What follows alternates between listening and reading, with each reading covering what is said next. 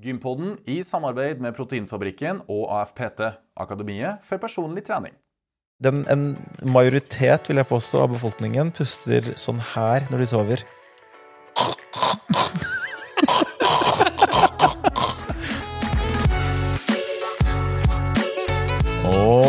Velkommen, kjære lytter og seer, til en ny episode av Gympodden. Den letthørte og joviale pod- og videokasten for deg som er glad i trening, ernæring og den aktive livsstilen. Og i dag har vi med en ny sprek gjest som vi skal slippe til om litt.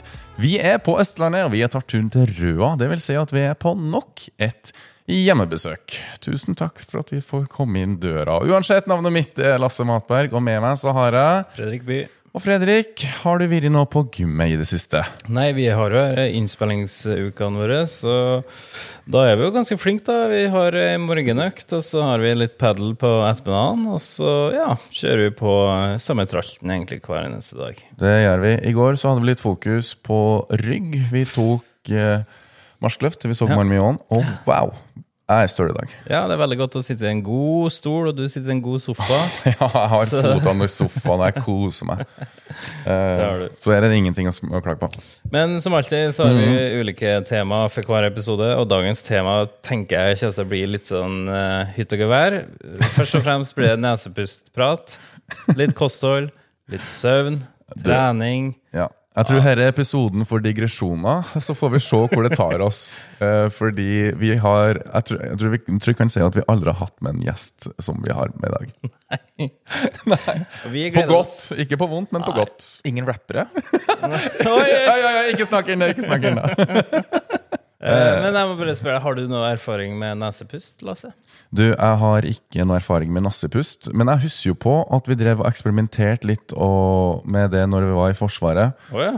Um, i, nei, ikke det. Uh, Lett meg fullføre. Fordi da sprang vi 3000 meter med vernemask. Um, og det var ei opplevelse som var helt pyton. ja. Fordi, men da pusta vi med både munn og nasse i, da. Men det er jo begrensa hvor mye du klarer å drogge inn. Ja. For det er jo et filter der eh, som skal rense oksygenet som du drar inn i maska, og som du får ned i lungene. Og det var helt, helt pyton. Um, eh, nassepust alle prøvd. Nei. Nei. Ikke jeg heller. Aldri vært borti. Eneste Nei. jeg vet, er at uh, når jeg sover, så puster jeg med nesen, og det er visstnok veldig viktig, det òg. Er det det, ja? Ja. Gjør du? Eh, det, det Jeg vet ikke.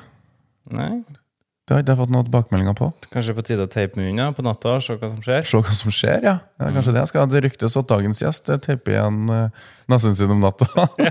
Og til og med når han trener. Men vi må jo bare introdusere han. Han er jo klar for å prate. Han er veldig klar. Han har allerede begynt å snakke, så nå må vi bare sette i, sette i gang. Det var ikke jeg som kjører introduksjonen, men i dag, min gode venn, skal du få kjøre den alene. Vi prøver. Dagens gjest vokste opp på Oslo øst sammen med mor og far. I sin oppvekst var han opptatt av fotball og langrenn, og etter hvert som han vokste opp, ble han nysgjerrig på skateboard. Han er kjent for de fleste som norsk rapper, da han har vært en del av produsentkollektivet da Playboy Foundation, som består av han Oral B og Big Ice. Og de har holdt på i over 20 år. Nå liker han kombinasjon av aktivitet som er teknisk krevende og fysisk utfordrende, som løping, ski, styrketrening og roing. Og for å beskrive han ytterligere, fra 1. januar til midten av mai i år gikk han 4000 km på ski. Og han søv, som sagt, med munnen sin teipa igjen, og han følger carnivore-kostholdet. Det vil si kun ha fokus på animalsk mat som består av kjøtt, egg, melk og smør. Han har figurert en del i media da han er en del av en trend som får forskerne til å riste på hodet, og sjøl sier han at han aldri har følt seg bedre. Og vi må si han ser uforskamma godt ut til å snart fylle 50 år. Og med det, ta vel imot Thomas Huse, aka Mr. Pimp Lotion! Thomas Traphouse. Trapphuset. Ja, Trap-huset, stemmer det. Ja, var litt Memory Lane? Ja. Du, du sa helt tidligst i introen der at jeg teiper nesa. Det gjør jeg ikke, jeg teiper munnen. Ja, ok, da får det stå for, da får det, stå for det. Ja. Ja. Du, har du vært på gym i dag? Ikke i dag, da. Nei. Jeg er jo ganske opptatt av søvn, og jeg sover jo Jeg bruker ikke vekkerklokke. Nei. Så jeg sover til jeg våkner av meg selv. Så i dag var det jo grytidlig for meg. Uff da. oi, oi, ai. Så nå driver jeg Dere ordna meg jo en sånn eh, masse, masse sånne eh, energidrikker. databrus, ja. EDB-brus. Eh, så jeg har ikke vært trent i dag. Jeg fungerer egentlig veldig dårlig om morgenen. Mm. Ja. Så um, dette, er, uh, dette er tidlig for meg. Ja. Men uh, jeg, For jeg trener jo da egentlig eh, Eller spurte dere når jeg var på gymmen sist? Ja, ja. sist, ja. Nei, for det, det er ikke så vanskelig å svare på, for det, var, det er fast. ja. Det er hver kveld sånn cirka halv tolv Ja vel. på kvelden. Oi. EVO stenger eh, tolv. Ja. Og jeg har et sånt uh, treningsregime som uh, egentlig krever at jeg har uh, gymmet for meg selv. Da. Ja, hvorfor? Går du naken rundt, eller? Nei, altså jeg har um, Jeg trener uh, I baris? ja, nei, det, det står faktisk Det er ikke lov der. Nei. Nei, det står faktisk eh, Jeg syns det er litt komisk, da, for det, det står i til de reglene som er, uh, henger på veggen der, at det er ikke lov å trene i bare overkropp. Ja. Men eh, nei, jeg har eh, Jeg trener jo Jeg, jeg trener styrke hver dag. Mm. Og, eh, men jeg har treningsregimet treningsregime går ut på at jeg trener kun i fire minutter. Så jeg trener veldig kort og hardt. Ei økt Fire er kun fire minutter? Kun fire minutter. Altså, i, kanskje ikke alle, men i utgangspunktet så er det min sånn signaturøkt. da. Okay. Ja. Og det er da eh, fire minutter hvor det er null pause. Og det er om å gjøre å da løfte mest mulig kilo i løpet av de fire minuttene. Og så er jeg ferdig. Og det vil si at eh, da er jeg avhengig av at alle vekter og apparater er tilgjengelige. Jeg må bare line det opp. Ja. Og da, og da må jeg være der seint på kvelden, da, mens når det er tomt. Og det var til og med en gang hvor det var jeg og én annen som var der. Og det holdt på å bli slåsskamp mellom Nei. meg og han, fordi at han drev og flytta rundt på den benken som jeg holdt på Jeg hadde liksom plassert en sånn skråbenk, og så som jeg da gikk eh, og tok noen hantler, og så gikk jeg bort og tok pullups, og så gikk jeg tilbake, og så drev han hele tiden og flytta på den. Og så til slutt så måtte jeg bare spørre, da. eh, Du, hva er poenget med at du driver og styrer flytter på det jeg driver med? Nei, eh, Han mente at jeg sånn sperra veien for til der han skulle hente tørkepapir. Eh, og det var jo på en måte sånn ganske mange tørkepapirdispensere på EVO der, da. Og, og så gikk, ble vi liksom opp i ansiktene til hverandre, og det, det var veldig nære at det ble slåsskamp. da Eh, Og jeg syns jo på en måte at han var helt ufyselig, men han syns garantert jeg også var ganske ufyselig. Ja. Så det første jeg gjorde da jeg kom hjem eh, fra EVO, da var å skrive en mail til EVO, for jeg var sikker på at han kom til å klage på meg. da Ja. Så jeg skulle gå med han i forkjøpet. Så jeg, jeg skrev en mail til EVO at jeg hadde en ubehagelig opplevelse med en fyr som hadde lyst til å banke meg opp på EVO. Men eh, sånn at Derfor så må jeg dra når det er tomt for mennesker der. Ja. For når det til og med er bare én Jeg må dele senteret med én annen person, og selv da blir det ikke nok plass. Til at det nesten ender opp med å bli håndgemeng. da Men hva gjør du da på de fire minuttene? Ja, det lurer jeg. du opp det her? Ja, det kommer jo an på hva jeg trener, da. Men Ja, ok. eh, jeg har én sånn favorittøkt som jeg har. Ja. Eh, for eksempel da er det hvis, eller, Min absolutte favorittøkt, eh, det er skråbenk-hantler. Mm. Og da mm, begynner jeg på det, de tyngste de har. Og så setter jeg på en låt som er fire minutter lang. Og så skal jeg ta én rep på Se hvor langt eh, Altså jeg begynner på det tyngste, og så går jeg nedover og nedover. så skal jeg se hvor mange hantler jeg klarer å løfte i løpet av de fire minuttene. Så da begynner du på sånn 40, 38, 36, 34, 32, og så går det nedover. Ja. Eh, og, og da Ja, så når det har gått fire minutter, da har jeg makspuls og melkesyre opp til hårrøttene og sånn likesliten i grepet og underarmene som jeg er i, i brystmuskulaturen. da. Eh, Så det er én økt som er litt sånn favoritt. Hvis jeg er litt sånn hvis jeg er, eh, gruer meg litt og ikke helt i form den dagen, så tar jeg kanskje pullups istedenfor. Ja. Eh, og da er det gjerne at jeg fester eh, en eller annen 20-25 kilo i beltet. Ja. Så tar jeg så mange jeg klarer, og så har jeg da lina opp eh, 20, 15, 10, og så bare bytter jeg, så bytter jeg, bytter jeg. Og så til slutt så er det pullups uten eh, noen vekter, og så er jeg ferdig. Og så sånn, går jeg hjem. som et dropset, rett og slett. Mm. Ja. Hvorfor gjør du det? Hvorfor? Ja.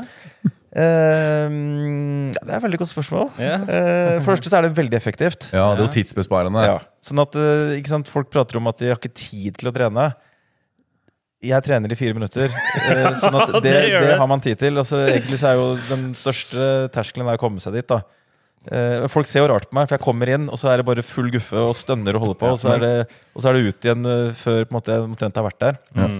Men teorien bak det, da altså dette, dette, Nesten alt jeg driver med, har jeg eh, på en måte grunnlegge eller på at jeg leser i for- eh, forskning og studier og sånn, men Ja. dette her har jeg funnet på selv. Da, så dette, dette ja, har jeg okay. ikke noe god grunn, eh, sånn Nei. bra eh, vitenskapelige argumenter for. Men det som er at jeg kan trene fordi jeg trener såpass kort, Mm. men likevel med veldig veldig altså, tunge vekter, Mm.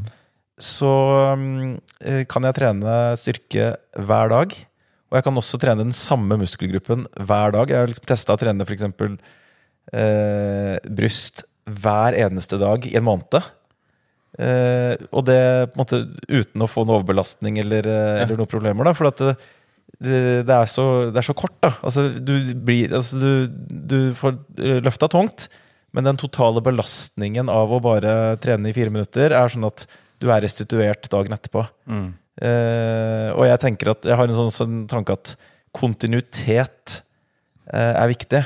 Så, eh, så, da, så dette er i hvert fall en sånn eksperiment jeg har drevet med i noen år. Da, at okay, jeg trener hver eneste dag styrke, men Mm. da ikke at jeg tilbringer en og en halv time på, på, i gymmet. da Mm. så, Og så er jeg litt sånn der, jeg driver jo mye med løping og, og langrenn og en del sånne ting. Hvor da Mm.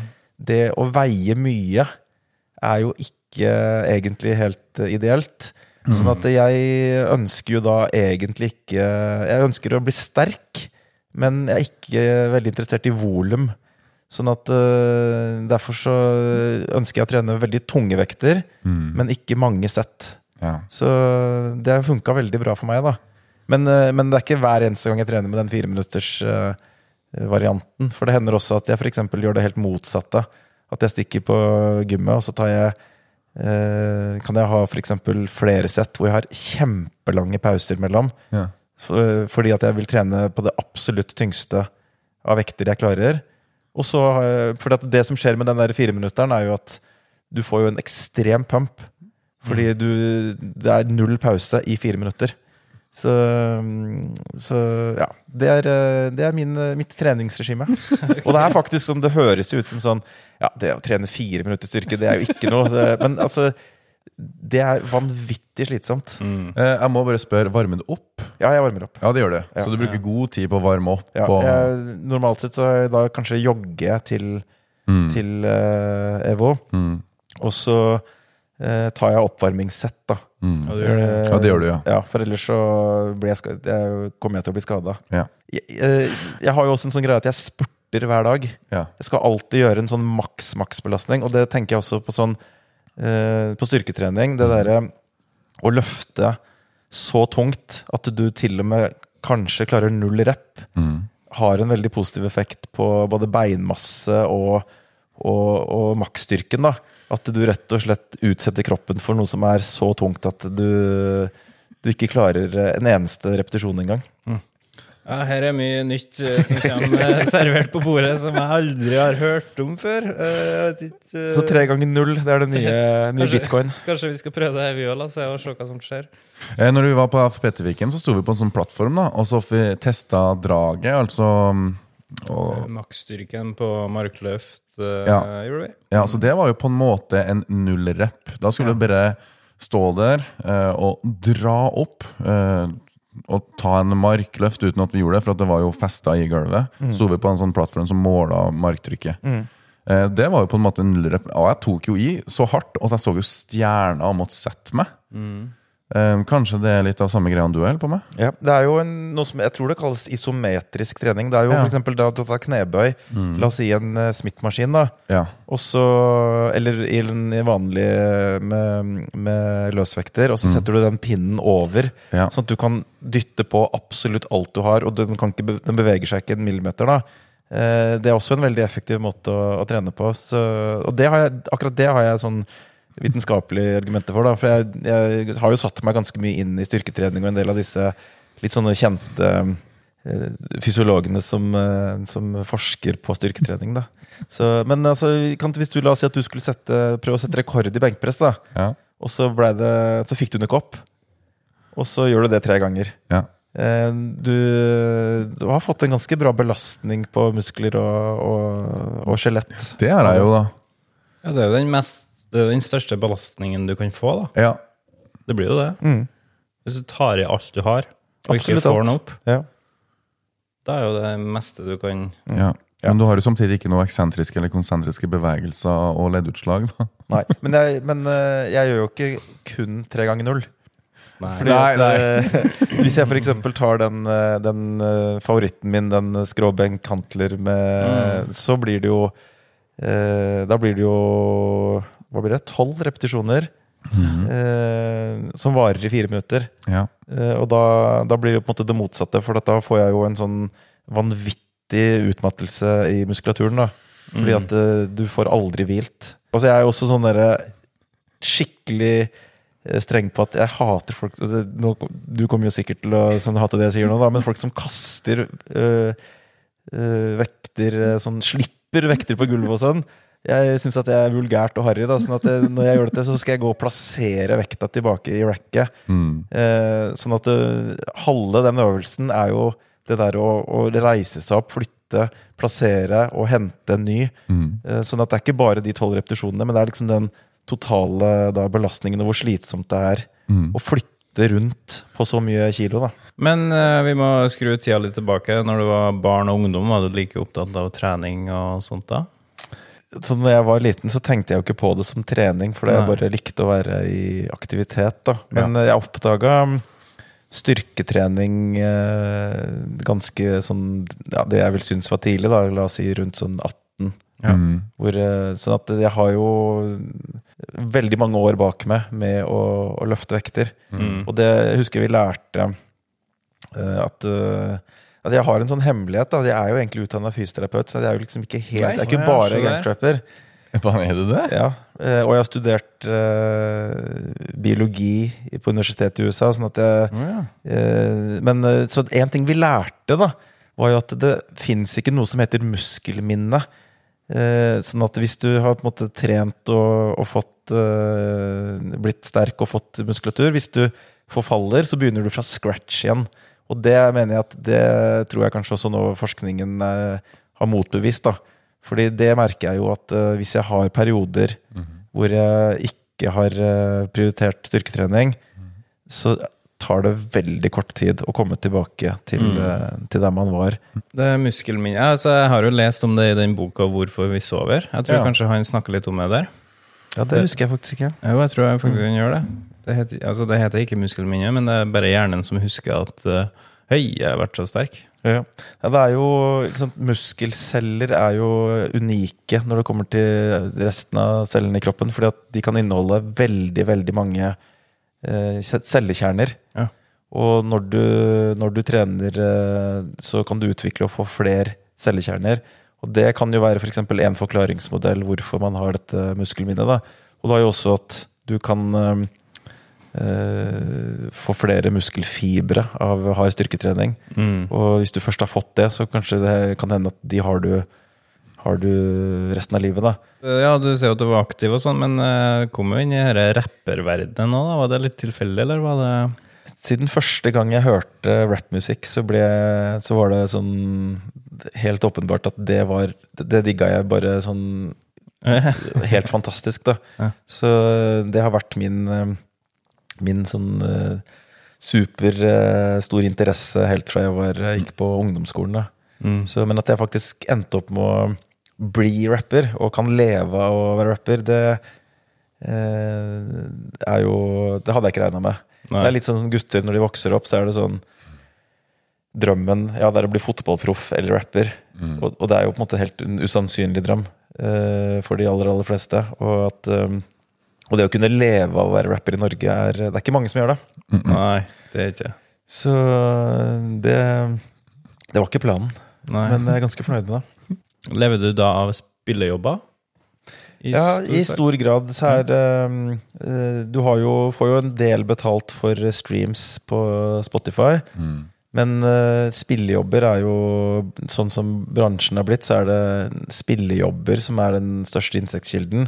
Ja. Og så en, har vi en del sånne bestillingsverk, da. Hvor man lager låter Ja. på bestilling, enten for reklame eller for eh, litt, litt forskjellig sånn eh, Det er jo Vi har egentlig fått en sånn eh, en nisje hvor vi um, ofte lager eh, bestillingslåter for eh, folk som skal gifte seg eller ha jubileer eller sånne ting. Vi lagde jo blant annet en, eh, en låt for eh, Kjell Inge Røkke når han fylte 60. Nei.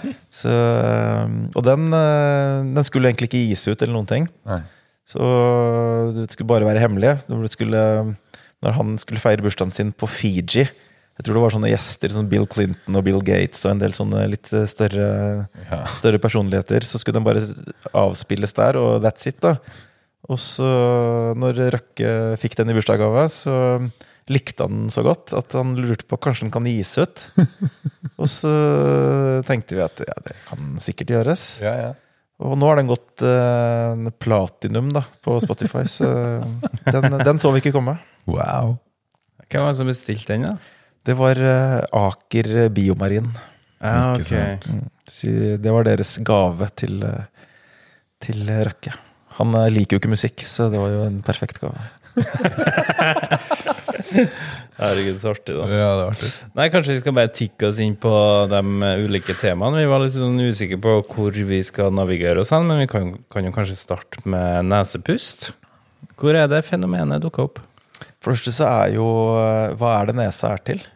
Ja, hvor, hvor, hvorfor har naturen lagd en sånn eh, liten sånn uh, sak midt i ansiktet? Naturen gjør jo ingen feil. Naturen uh, Og det er uh, Så nesa er jo spesiallagd for pusting og har mange, mange, mange funksjoner som gjør at, at eh, pusten blir bedre, som munnen ikke har. Og folk, men folk tror jo at eh, om du puster eh, eller får eh, lufta inn gjennom munnen eller nesa, så spiller det ingen rolle. For det, det er bare omgjør, og så målet er bare å få luft ned i lungene og, og ut igjen. Men det er veldig langt fra sannheten. Så måten man puster på, har kjempemye å si for helsa. Det har både for immunforsvaret, for eh, oksygenopptaket. Masse sånn.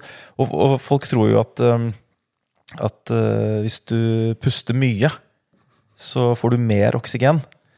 Men faktisk så er det motsatt. At jo mer og hardere du puster, jo mindre oksygen får du ut i vevet. da. Og et veldig godt eksempel på det er jo hyperventilering. For hvis, hvis man puster sånn her Hvis man gjør det i ja, så kort som nå, til og med, så blir man litt svimmel. Og du kjenner at det begynner å prikke litt i fingrene. Altså Begge de tingene kjenner jeg nå. Du kan prøve. Hyperventilerer nå i, i Gjør det jeg gjorde nå. I ja, Jeg vet ikke om du gjorde det lenge nok, men hvis du gjør det, så blir man eh, faktisk svimmel. Og da tenker folk at eh, ja, det er fordi man får for mye oksygen. Men det er nøyaktig det motsatte som skjer. Fordi du, du blir svimmel fordi at du får mye mindre oksygen. Fordi når du puster ut hardt med munnen, så kvitter du deg med masse CO2. Og de fleste tenker at eh, O2 det er bra, og CO2 det er et, eh, et eh, avfallsstoff som man skal bli kvitt. Men CO2 den har den effekten at det gjør at blodårene utvider seg. Og så har den også den effekten at eh, med ekstra CO2 til stede, så gir hemoglobinet, altså de røde blodcellene, lettere fra seg oksygen. Så hvis du hyperventilerer på den måten, så trekker blodårene seg sammen i hjernen. Og så binder også Så holder også hemoglobinet hardere på oksygenet. Så du blir svimmel fordi hjernen får kanskje Hvis du hyperventilerer i 30 sekunder, så har jeg sett tall på at hjernen får 40% mindre oksygen. Og det er også grunnen til at det da prikker i fingrene. Det er fordi at eh, blodårene trekker seg sammen, og da et av stedene du merker det, er jo da i fingertuppene, for der er det jo mindre blodsirkulasjon. Eh, Sånn at eh, rett og slett ved å puste med munnen, så driver man egentlig med hyperventilering, altså for mye pusting. Kvitter seg med CO2, og så får du mindre oksygen. Mens eh, det logiske er jo at man får mer oksygen jo hardere man puster. Så hvis du liksom rett før du skal ta en, eh, en eh, løfterekord i benkpress, så, så holder du på den måten der, da får du egentlig mindre oksygen ut i muskulaturen. Tenk på det. Ja, eh, jeg vet ikke hva jeg skal si. Det er jo nytt for meg, Her, her. Ja, så- alt dette her er nytt, men jeg er ikke sånn åh, for en tulling du er, da, som sitter og sier det her. Det er jo ikke sånn jeg tenker. Jeg bare hm, interessant. Er det forska på akkurat det du snakker om nå? Ja, ja, ja. Ja. ja alt jeg tar eh, Altså, jeg har jeg, Ser dere rundt? Vi sitter i stua nå. Ja. Hvor er TV-en? Jeg har kvitta meg med TV-en. Jeg ser ikke på TV. Min form for eh, lørdagsunderholdning er å lese studier på PubMed og Google Scholar og sånne ting. Så det er min, eh, min interesse. Altså det er å, å lese studier og forskning. Så eh, det er sånn jeg opp, eh, eller finner disse tingene, da. Ja. Det er jo ikke, det er jo ikke i VG. Men er det nok studier som bekrefter det du snakker om? Ja, ja. Ja. Mm. Men En, en annen ting som produseres uh, i nesa, det er en gass som heter uh, nitrogenoksid. Mm. Og i tillegg til at den er eh, bakteriedrepende og virusdrepende, så er den også sånn at den, eh, altså den Det kalles vasodilaterende, sånn som CO2. At du får blodårene til å utvide seg. Som gjør da at eh, du får bedre, bedre blodsirkulasjon. Og, og som igjen da fører til eh, at du får mer oksygen ut til vevet der hvor um, oksygen hører hjemme. Mm. Eh, nitrogen, eller nitrogenoksid, det er også da Altså han som eh, fant Oppdaget, eller det teamet da som oppdaget eh, denne effekten at nesa produserer eh, nitrogenoksid, eh, det var så revolusjonerende at folk forventet at han skulle få Nobelspris for det. Han heter Oi. Luis Ignarro, han og, og hans team.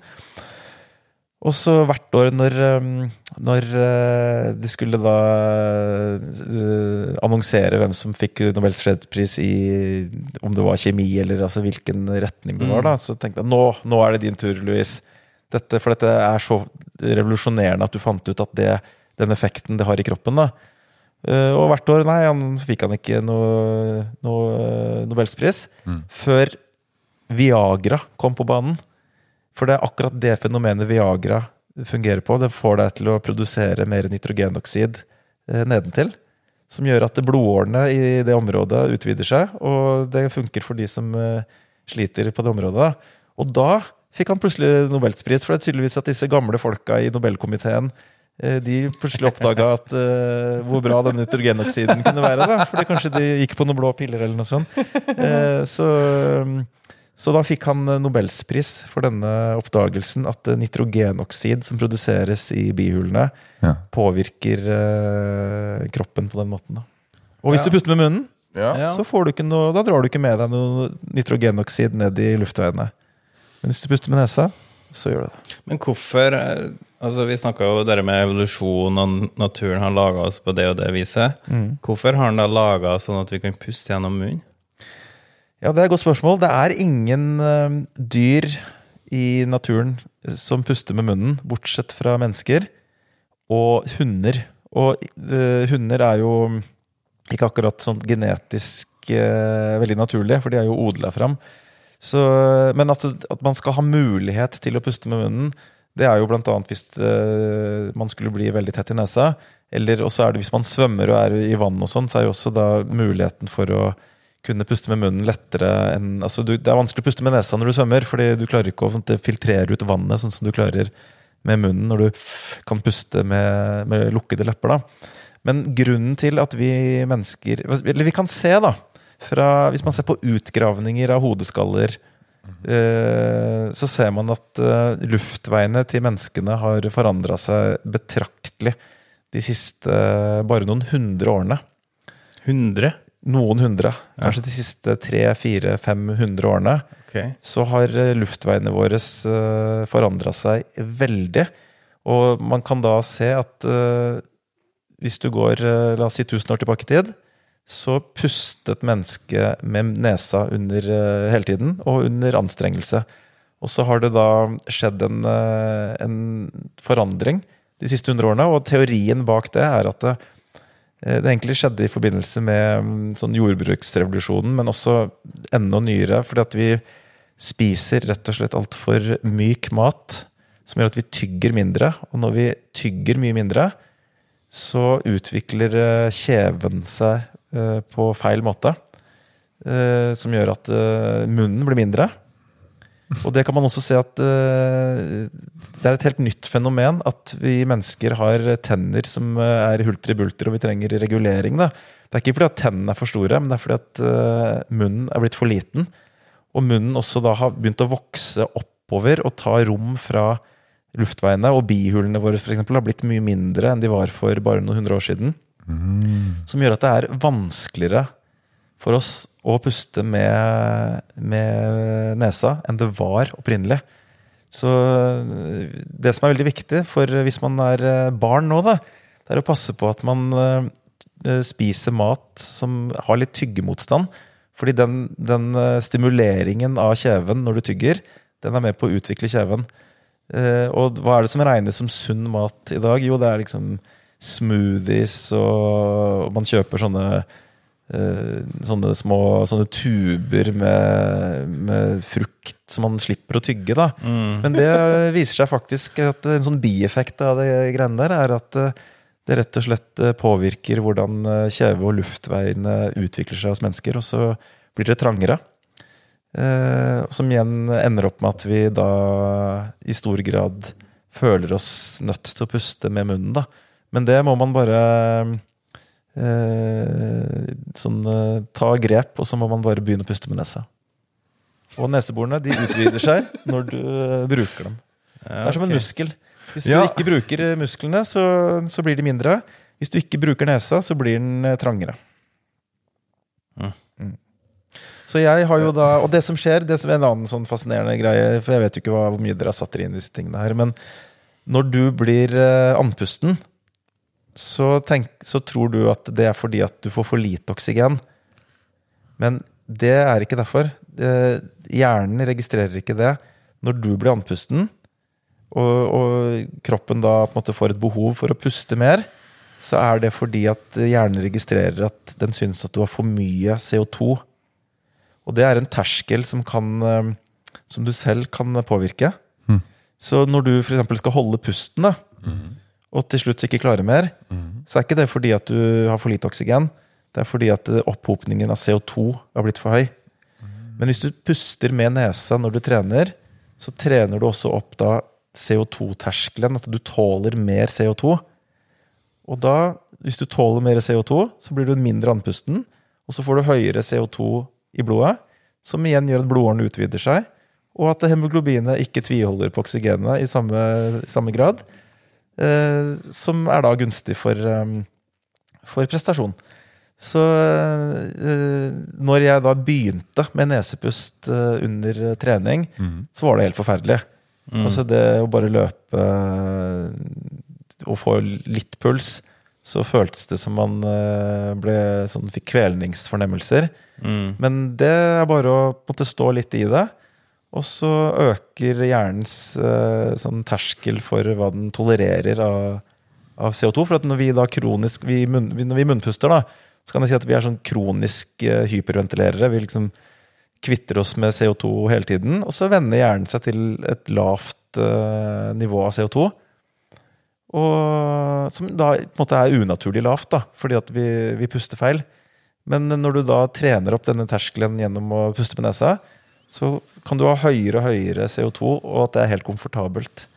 Så nå kan jeg trene eh, knallharde intervalløkter hvor jeg er helt oppunder makspuls, Mm. og pusten min går rolig. Så det, før, når jeg var, trente eller skulle perse på liksom, fem kilometer eller mila, eller noe sånt, så var det sånn, da pusta jeg sånn her. Ja. Eh, nå, hvis jeg da ligger helt oppunder makspuls, så puster jeg sånn her. Nei, er det Ja, sant? Det er ikke langt unna. eh, sånn at, eh, og du, du kan jo selv altså hvis, du prøv, hvis du bare jeg har så lyst til å prøve, men jeg skjønner jo at det er trenbart, og her må jeg jo stå i da, noen måneder sikkert. Men Wow! Så du kan jo selv tenke deg, da, hvis du liksom eh, I tillegg til at du blir svimmel av denne hyperventileringa Hvis du eh, Jeg drev annet med noe som heter Wim Hof-pusting. Jeg vet ikke om dere har hørt om han Wim Hof? Jo da, jeg Ja. hørte om han. Han har en sånn, eh, en sånn pusteøvelse, eller en sånn eh, repertoar, hvor du skal først hyperventilere i, i 30-40 drag. Og det, det som skjer da, da kvitter du deg med ekstremt mye CO2. Og så skal du holde pusten så lenge du kan. Og da, hvis du da, når du har kvitta deg med så mye CO2, så tar det lang tid før det CO2-nivået bygger seg opp igjen. Så da kan du holde pusten veldig lenge. da. Eh, men det som er grunnen til at jeg nevnte det, var at det, jeg dreiv jo med den Wim Hof-pustinga mye mye i perioder. Og man tenker jo da at det å holde pusten for i fem minutter, det var det som var det grusomme med Wim Hof-metoden. Men nei, det var den der hyperventileringa først som jeg gruer meg mest til. For det å puste sånn her Det er kjempeslitsomt. Du blir helt utmatt av det. Det er liksom veldig fysisk. Du blir, det er rett og slett kjempe Det er slitsomt å gjøre. Og når du da skal ut og, og jogge, da, eller prestere i en eller annen kondisjonsidrett, så er det jo da Hvorfor kaste bort så mye energi på noe som er så slitsomt, som å drive og sånn råpuste med høy frekvens, sånn som det? Eh, Så når jeg da er på sånn eh, Hvis jeg trener, eh, har noen felles eh, intervalløkter med noen andre munnpustere, da, så hører jeg dem uh, vidåpen munn puste og sånn, bruke masse masse energi på denne ekstremt harde pustinga, så går pusten min sånn mens jeg løper, da. Og det er faktisk, man er helt nødt til at det er så rolig òg, for hvis du puster for aggressivt med nesa, så lukker neseboren seg. Så du, du er helt nødt Så du må puste mykt da når du driver med nesepust. Så Ja, men Klarer du å kontrollere det? Ja, ja, ja. Ja, men Musklene krever jo oksygen, så du må jo, Jo, men altså du må jo dra det inn til deg. Du Som jeg sa, hvis du puster sånn her, så får musklene mindre oksygen. Fordi blodårene trekker seg sammen. Og, du får, og, og hemoglobinet holder på oksygenet. Det må være masse CO2 til stede for at uh, hemoglobinet skal slippe fra seg uh, oksygen. Så uh, jeg har en sånn, eh, sånn litt sånn flåste, da, men jeg har en sånn, sånn utsagn at alt du har lært er feil, det motsatte er det riktige. Og, og i dette tilfellet så stemmer det jo, da. Fordi folk tror jo at eh, når du blir andpusten, så er det fordi du får for lite oksygen, men det er, fordi, eh, det er ikke derfor. Det er fordi du sannsynligvis får for eh, Du får for mye CO2. Eller ikke for mye, men du får Kroppen uh, tåler ikke den CO2-mengden, fordi den har vent seg til uh, en lav, uh, lav mengde da, Ja, Men hvor lenge har du holdt på med det? i flere år. Nesepust Nesepust. mens du trener. Um, er det Og sånn alltid. Og når jeg, på, til, når jeg er våken, og når jeg sover. Nemlig. Men er det sånn at må du nå, når du går og skal ta deg ei økt, må du teipe over munnen nå? Nei, nei. Nei, ikke sant? nei det er bare å lukke den.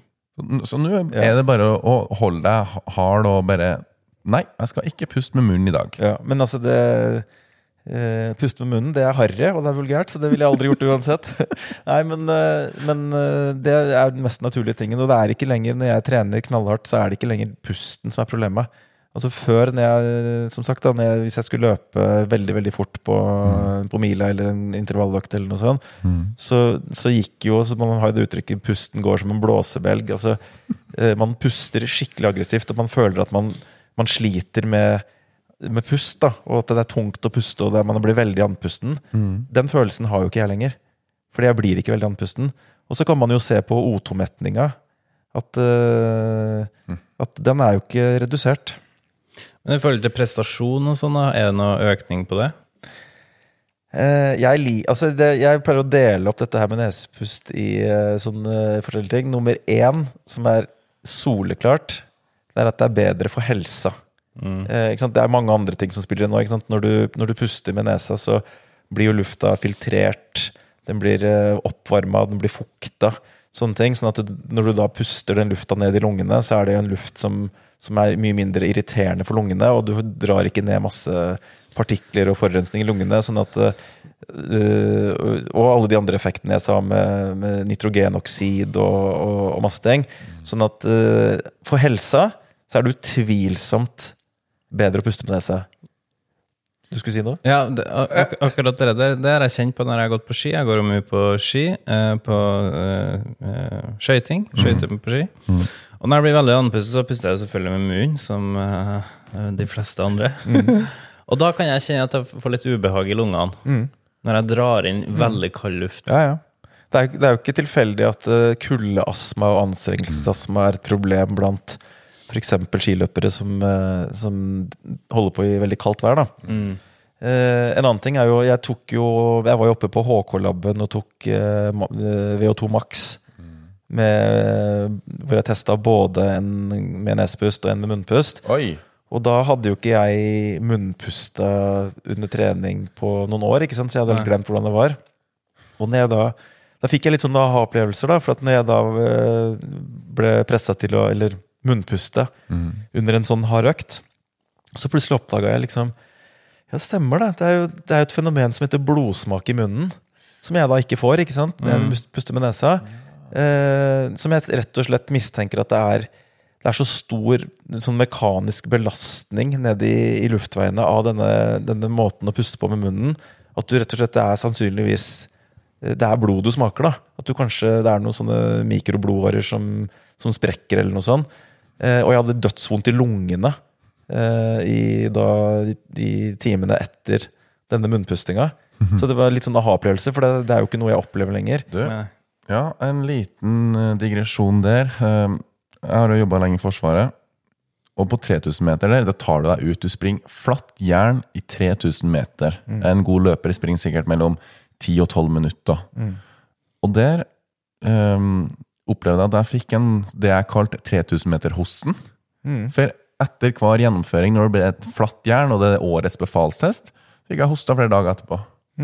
Nettopp fordi at det bare Ja, men det blei så stor mekanisk belastning og irritasjon i lungene, da.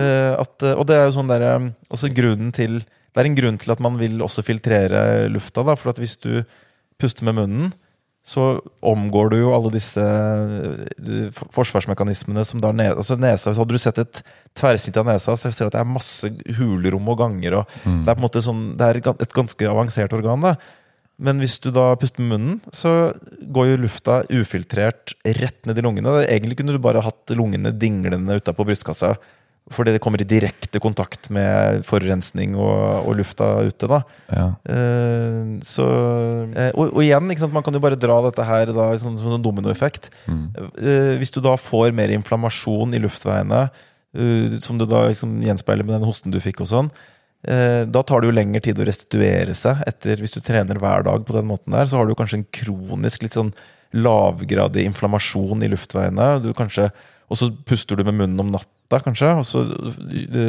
så ender det opp med at du, på en måte sånn, du restituerer deg dårlig. da Fordi du rett og slett har litt sånn betennelse kronisk i kroppen av denne måten å puste feil på. da Du, jeg sitter og tenker så det knaker. Eh, hva tenker du, Fredrik? Jo, nå, jeg, jeg må bare fullføre resten. Ja, beklager. At, eh, Fullfør. For at, eh, for det du spurte om, var om det var prestasjonsfremmende. Mm, ja, ja. Ja. Så jeg deler det opp i at nummer én så er det utvilsomt gunstig for helsa. Og så nummer to, som er spørsmålet Er det, eh, er det gunstig for tre... Altså det, gir det en bedre treningseffekt? Og det også kan jeg nesten eh, tørre å være litt sånn kategorisk på å si ja. Blant annet fordi at eh, du utvikler denne Altså du øker denne CO2-terskelen, da. Som er veldig gunstig. Altså du Så med visse andre ting. Og at du restituerer bedre og en del sånne ting. Da. At du blir mindre syk, f.eks. For eksempel. Fordi hvis du da på en måte får mindre luftveisinfeksjoner og sånne ting, så kan du jo trene oftere. Og, og sist gang jeg sjekka, så var kontinuitet ganske viktig for, eh, for treningseffekten. Men så er det spørsmål nummer tre er det prestasjonsfremmende der og da å puste med nesa. Og der har jeg ikke konkludert, men det jeg kan i hvert fall si ut fra denne VO2 Max-testen som jeg tok, så er det i hvert fall at jeg presterte nøyaktig like bra med nesepust som med munnpust på en VO2 Max-test. Og hvis jeg skal på en måte sånn gradere de forskjellige typer distansene og øvelsene når det kommer til nesepust, vil jeg si at det å løpe sånn all in i seks, sju, åtte minutter, kanskje er den som er uh, mest utfordrende for nesepust. For at Ja. sprint, da rekker du knapt nok å bli andpusten. Så da er det på en måte sånn Har det kanskje ikke så veldig mye å si. Altså, la, 100, la oss si 100 meter, da. Da, er, da trenger de kanskje ikke puste engang før de er i mål. Og så har du eh, veldig mye lengre distanser, sånn som maraton og sånn. Da har du jo ikke så høy puls. at Da er jo nesepust litt enklere igjen. Mens akkurat den der mellomdistansen som du, som du prater om 3000 og, og 1500, eller rett og slett en, eh, en eh, VO2 Max-test som varer i sånn 7-8-9 minutter, det er kanskje akkurat den distansen jeg syns er tøffest med nesepust. Fordi den er anaerob. Eh, og selv da så viste jo da testen at jeg presterte nøyaktig Eller jeg presterte like bra med munnpust som nesepust. Så i hvert fall så var det ikke prestasjonsdempende. I tillegg så var det sånn at den, eh, den masken jeg måtte bruke når man tok eh, VO2 Max-testen, den klemte litt sånn over på neserota. Så egentlig så, så var det ikke helt ideelt for å få inn og ut nok uh, luft heller.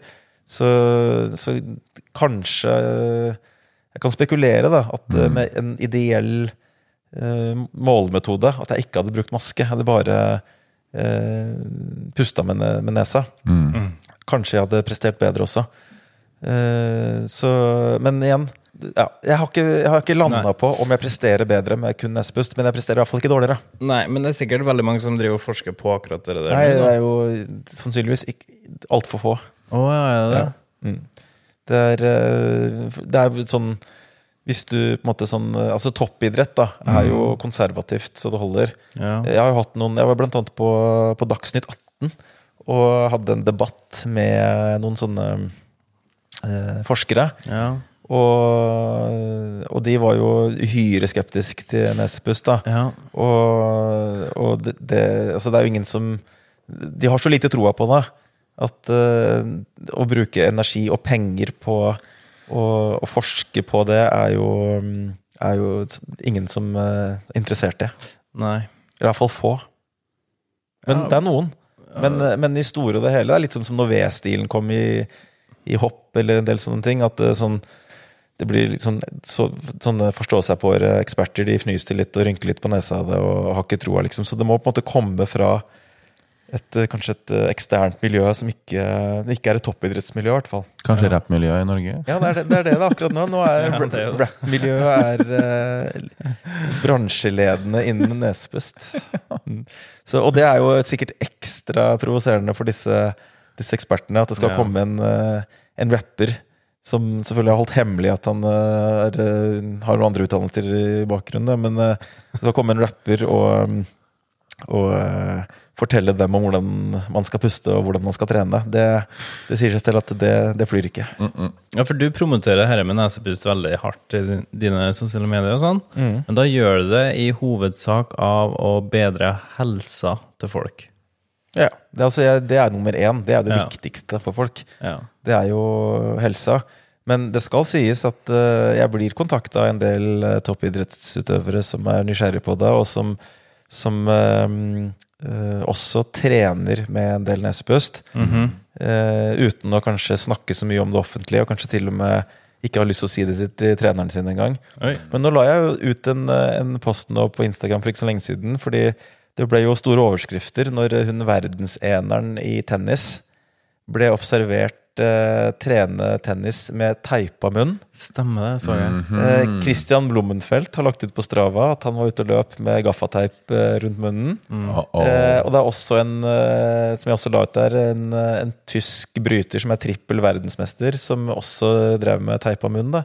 Ja. Så, så det, det sprer seg. Og det har også vært, det er eksempler på, på kjente toppidrettsutøvere som har praktisert nesepust. Du har f.eks. en 400-meterløper, en kvinne som het Sanya Sanja Richards Ross. Hun har både OL- og VM-medaljer på 400 meter. Hun eh, løp med lukka munn og pusta kun med nesa. En eh, løpelegende fra sånn noen tiår tilbake, Satopek, Han eh, trente mye med å holde pusten mens han løp. Det er også en ting som jeg driver med, faktisk. Okay. Uh, og hvis du går på YouTube og sjekker uh, Eliud Kipchoge når han løp den, uh, den maratonen på under to timer, Stemmer. så er det en eh, YouTube-video hvor det er, det er noen som driver og kommenterer eh, eh, dette forsøket, da, hvor de, de faktisk da snakker om at de legger merke til at han eh, løper i veldig, veldig store deler av det forsøket med lukka munn. da. Mm. Så eh, det er um, eksempler på eh, veldig eh, Altså idrettsutøvere på ekstremt høyt nivå som faktisk praktiserer dette. Eh, Jeg tror det er litt sånn best kept secret, at de har kanskje ikke så lyst til å, å snakke om det. da, Og tenker at det er en sånn, en sånn uh, Skjult fordel, på en måte. Ikke sant? Mm. Det er også noe, noen som har forska på noe som heter hypoxic training. Eh, hvor de da har eh, Ja, du spurte om det blir, blir forska på det. Det er faktisk noen franske forskere blant annet, som har Mm. forska på dette med å eh, trene kondisjon med, mens man holder pusten.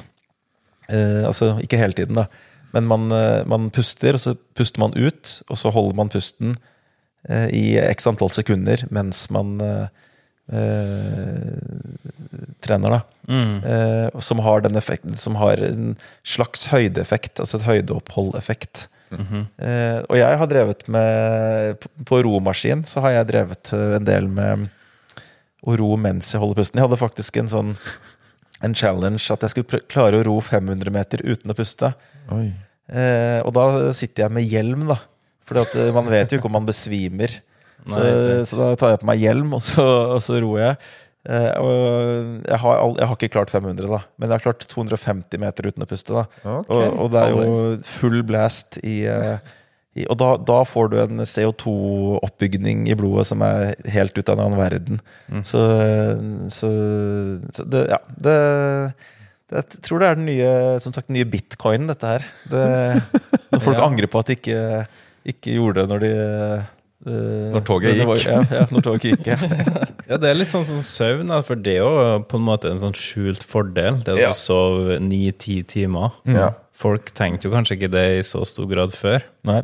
Eh, nei, altså det er, jo, eh, det er jo litt sånn eh, Man kan si at mennesket er jo det eneste arten som bevisst eh, ødelegger søvnen sin, eller sånn eh, minsker søvnen Altså de vekker seg selv med vilje, da. Ja.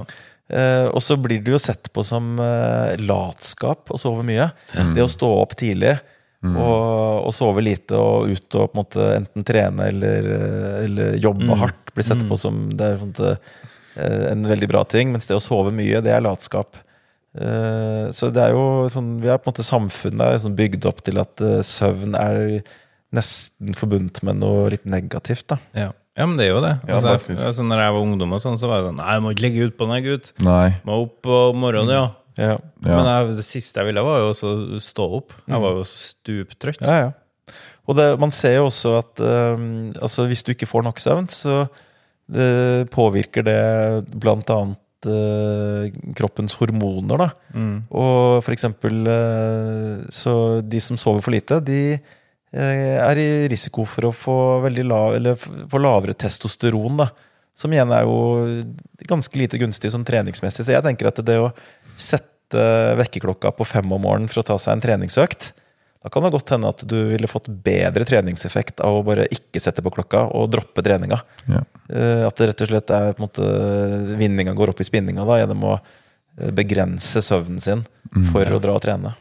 Eller tatt den fire minutter, da. Det, det rekker du jo. Ja, Så lenge du ikke har sovet i ni timer, da, og så står du opp klokka fem. ja. Ja. Men, eh, men jeg er jo den Altså, jeg er jo privilegert at jeg kan praktisere det, men jeg eh, eh, er jo da Lever ut den eh, måten å sove på, at jeg sover til jeg våkner av meg selv. Så bortsett fra i dag, da. Ja, Ja, og tusen, tusen hjertelig takk for at du Ja. stiller opp. Det kom noen sånne karer som ville at jeg skulle opp Eller begynne klokka ni om morgenen med, med podkast. Når er det du bruker å legge deg? Eh, Jeg legger meg egentlig litt for seint, egentlig. Eh, Jeg har veldig sånn B-menneskerytme, da. Ja. Så, men jeg prøver å legge meg tolv. Ja. Og så sover jeg til ti, f.eks. Men hvordan går det opp med treninga? da? Altså, du er på EVO halv tolv? Ja, jeg er rett hjem og legger meg, da. Ja, du, du gjør det? Ja. Så jeg har funnet ut det at um, eh, det er egentlig ikke sånn Jeg har ikke noen problemer med å få sove etter en styrkeøkt. Nei. Så, så det Men det tror jeg er litt sånn individuelt hva, hvordan det er for folk, da. Eh, Jeg har hørt at folk andre som eh, ikke får sove etter, etter trening, f.eks. Ja. Men jeg blir trøtt etter trening. Altså Om jeg hadde trent midt på dagen nå, så tror jeg jeg kunne godt uh, sikkert hatt lyst til å tatt meg en, eh, en lur på sofaen. Så jeg blir, uh, blir trøtt. Uh, men det er også da, Jeg er ganske bevisst søvn. Altså det, en annen ting jeg er veldig bevisst, er jo da når jeg spiser på døgnet. Fordi hvis du spiser for tett opp til leggetid, så påvirker det søvn negativt. da. Så du skal ikke drive og fordøye mat når du sover. Så ideelt sett så burde man kanskje spise siste måltidet fem. Og så være i, i fastende tilstand når man sover, da. Så, så man må på en måte finne, finne det som gjør at søvnen blir best for deg. Og for, eh, for noen så vil det sikkert være å ikke trene på kvelden. Men det som er ganske universalt, er at det å spise seint på kvelden, det er veldig, veldig negativt for søvnkvaliteten. Nemlig. Mm. Enn å puste med munnen, da, når du Ja, det er jo helt krise. Ja. Du, du sa jo her i stad at eh, du tror du puster med nesa om natta. Jeg er ganske, ganske sikker på det. Ja. Og det, en liten del av befolkningen gjør det naturlige. Og da vil jeg bare si at da er du blessed. Fordi det har så mye positive effekter for, eh, for ja. søvnkvalitet og immunforsvar. Men det vil si at du snorker ikke, da. Nei. Nei. Ja, da er du blest. Eh, mens eh, den, en majoritet, vil jeg påstå, av befolkningen puster sånn her når de sover.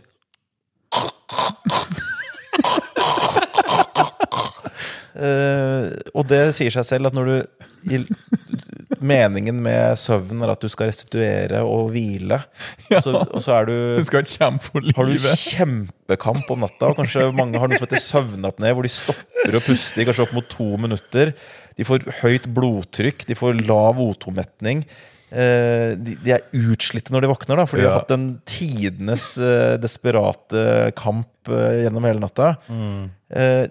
det er direkte linka opp mot alskens sykdommer. Da, alt fra Alzheimer til hjerte og di og diabetes og alt mulig. Ja. Men i tillegg så er det jo at du blir jo ikke restituert. Nei. Så du, får jo ikke, du kommer jo ikke inn i disse, disse riktige søvnfasene som eh, er ekstremt viktige for, eh, for kroppen. Da.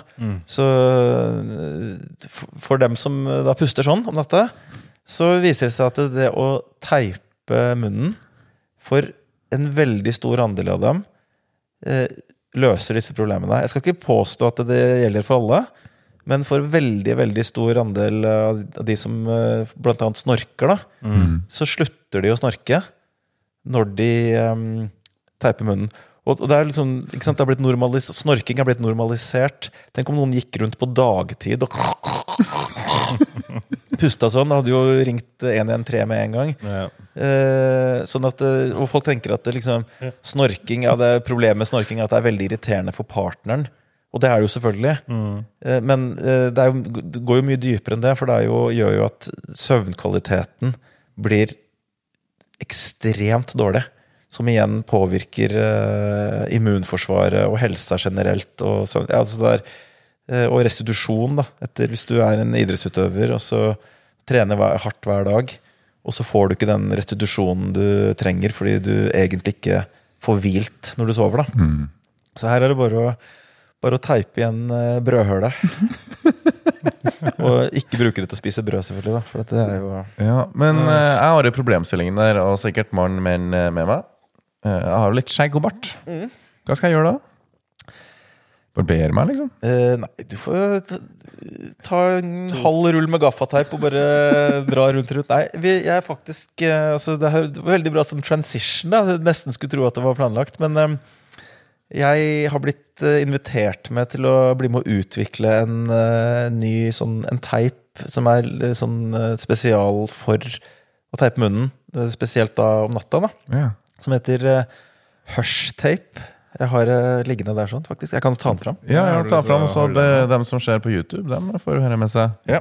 Uh, og den er for, at det, for det første så er det sånn Det funker helt bra for de aller fleste å dra på apoteket og kjøpe en medisinsk teiprull. Ja. Det, det funker. Men det har visse sånne Det er visse ting med det som ikke er så bra. Og det ene er at eh, noen ganger Noen av dem så er limet så sterkt at eh, når du skal dra deg av om morgenen, så er det en kamp for livet, det òg. Eh, så det ikke spesielt eh, deilig eller bra for huden. Og så har du de med skjegg, hvor det ikke eh, sitter så bra. Så den teipen her da, eh, er sånn spesielt utvikla for at det skal funke eh, for dem med mm, skjegg. Den er sånn ekstra stor på sidene. Ok, Nå tar han testeteipen teipen på her. Så for dere som ser på YouTube, så Og så får ja. er den stretchy, så det faktisk går an å snakke selv om man har på teipen. For det var jo problemet før. At eh, hvis jeg slang på den teipen, og så begynner dama skal spørre meg om noe, så må jeg svare med SMS. og så har den et hull i midten, så hvis du blir tørst, så kan du ha et glass med vann med sugerør. Ja, for du drikker ikke med nassen sjøl om du puster med nassen under trening. Nei, eh, det har jeg ikke testa faktisk. Så det går an å drikke også uten å måtte dra av teipen. Ja. Faktisk, Det er en annen ting når det kommer til nespust og, og trening. da Også om natta. Hvis du, hvis du er en munnpuster, så våkner du ofte knusktørr i munnen. Det er sånn, eh, Da vet du at du er munnpuster hvis du gjør det. Så, men det gjelder også sånn når vi prata med, med det å puste kald luft ned i lungene. Fordi at, eh, så Om vinteren så er nesepust veldig bra fordi du får varma opp lufta og fukta lufta. Om sommeren så er nesepust veldig bra fordi at det, når du puster med munnen, så kvitter du deg med mye mer væske. Altså det er mye mer, eh, det er rett og slett mer dehydrerende Ja. å puste med munnen. Og det er jo sånn hunder, for eksempel, de svetter jo ikke. Så de, de, de, De utånder gjennom munnen, ja. Ja. Sånn at uh, hvis du um, puster med nesa når du løper uh, eller trener om sommeren, så eh, holder du mer på væsken, og da blir du mindre dehydrert også. Og så er det faktisk generelt sett også med når det kommer til tann og tannhelse og, og eh, tannkjøtthelse, så er dette med munnpust eh, linket opp mot betennelser i munnen og hull i tennene og sånn. fordi når du tørker ut munnen gjennom å puste med munnen, så får du en annen pH i, i munnen og en annen bakterieflora som er eh, linket opp mot uh, tannkjøttsykdommer og hull i tenna. Da. Sånn at uh, det er faktisk ganske vanlig at uh, sånne langdistanseløpere, maratonløpere og sånn, sliter med tann, tannhelse og, og uh, betennelser i munnen. Da. Ja. Som, fordi at det er rett og slett Å puste med munnen, det er feil. Det er, det er harry. Men du sa jo i stad at majoriteten sover jo med munnen åpen. Mm. Eh, hvorfor har folk begynt å gjøre det, da? Når vi Nei, det er litt det, jeg snakka da om tidligere, at um, vi tygger for lite. Det er så enkelt, altså. Blant annet det. Eh, og så, så starter det der, da. Og så eh, blir du en munnpuster, eh, som gjør da at eh, når du puster med munnen, så vil det også Så blir det en sånn, eh, på en måte en sånn ond sirkel. da For at eh, hvis du puster med munnen, det i seg selv også gjør at luftveiene og kjevene utvikler seg dårligere. Fordi at eh, hvis du puster med nesa, så går du med lukka munn. Og så har du plassert tunga oppunder ganen, og så treffer jekslene hverandre. Så du har på en måte ten- tennene sånn lett eh, sammen, og et press oppunder ganen med tunga. Og den stimulansen der, den er også med på å utvikle kjeven og, og luftveiene. Så når du da ikke gjør det, du går med åpen munn og puster i barndommen, så gjør det at eh, luftveiene blir enda trangere eh, som gjør det at det er lettere å ty til munnpust. Og så gjør det også at det, tonusen i kjevemuskulaturen gjør sånn at eh, For hvis du går Hvis du har vent til å gå med lukka munn, og at du bruker litt muskulatur på å holde munnen lukka, så eh, vil det også eh, gjøre at du holder munnen lukka når du sover. Men når du blir helt slapp eh, og ikke får den tonusen i de, de kjevemusklene, så detter bare munnen åpen idet du sovner. Så, så det er rett og slett at eh, du har så dårlig utvikla kjevemuskulatur at munnen bare faller åpen idet du, i det du sovner. Da. Og da blir det munnpust. Ja, men det er ganske rart at evolusjonen har klart å, å rukke og gjort eh, Eller skapt den forskjellen da, i munnen. Ja, altså, det er rett og slett uh, skjedd på noen få hundre år, som sagt. På grunn av eh, at vi kanskje da spiser unaturlig mat. da. Vi har i, i hundretusener av år, fra før vi helt Ja. ble menneske, så har vi tygd, brukt innmari mye tid på tygging. Tygging, tygging hele tiden. Nå er det sånn, Hva er det vi er på jakt etter nå? Jo, det skal være hvis biffen eh, ikke er megamør, så klager vi, og vi sånn måte, spiser masse mat. eh, altså brødskive, mat som er eh, prosessert, som ikke krever noe tygging. da. Eh, og, og rett og slett Det har en sånn en bieffekt som man da ikke har vært klar over. At den tyggingen gjør at i løpet av én generasjon så har ansiktsformen blitt forandret. da. Fascinerende. Ja, hva tror du? Har det noe for seg? Uh, Nesepust? Ja. Vet ikke. Det, altså, jeg er ganske sikker på at det har noe for seg i forhold til søvn og sånn. Det har jeg jo lest litt om, da. Og det er jo litt forskning og sånn som tyder veldig på mm. de helseeffektene. Eh, Det har jeg veldig trua på. Eh, Men den eh, trening når, når, når- man trener, så er jeg jo litt mer usikker der, fordi det finnes jo ikke noe data på det. Men eh, det finnes ikke noe data på at Klæbo-klyve Det er ikke noe, gjort noe kontrollerte, randomiserte studier med placeboeffekt eh, på at om Klæbo-klyve funker. Så man trenger ikke man, Hvis man kun skal basere seg på å gjøre ting som man kan se studier på, så er det ganske mange ting man går glipp av. Det er det. Så det, er- her er det bare Kan man eh, på en måte uh, ut og prøve selv. Og så eventuelt uh, basere seg litt på sunn fornuft og hvordan eh, Altså, ikke sant Ting som ikke er direkte knytta opp mot f.eks. trening, men som det er forskning på. ikke sant? At som vi ser at eh, du har den, eh, Hvis du har økt CO2 i blodet, du får økt CO2 av å puste med nesa, så får du noe som heter Bohr-effekten. Som er det at uh, hemoglobinet gir fra seg oksygen lettere. Det har man visst i over 100 år. Uh, du har denne nitrogenoksiden.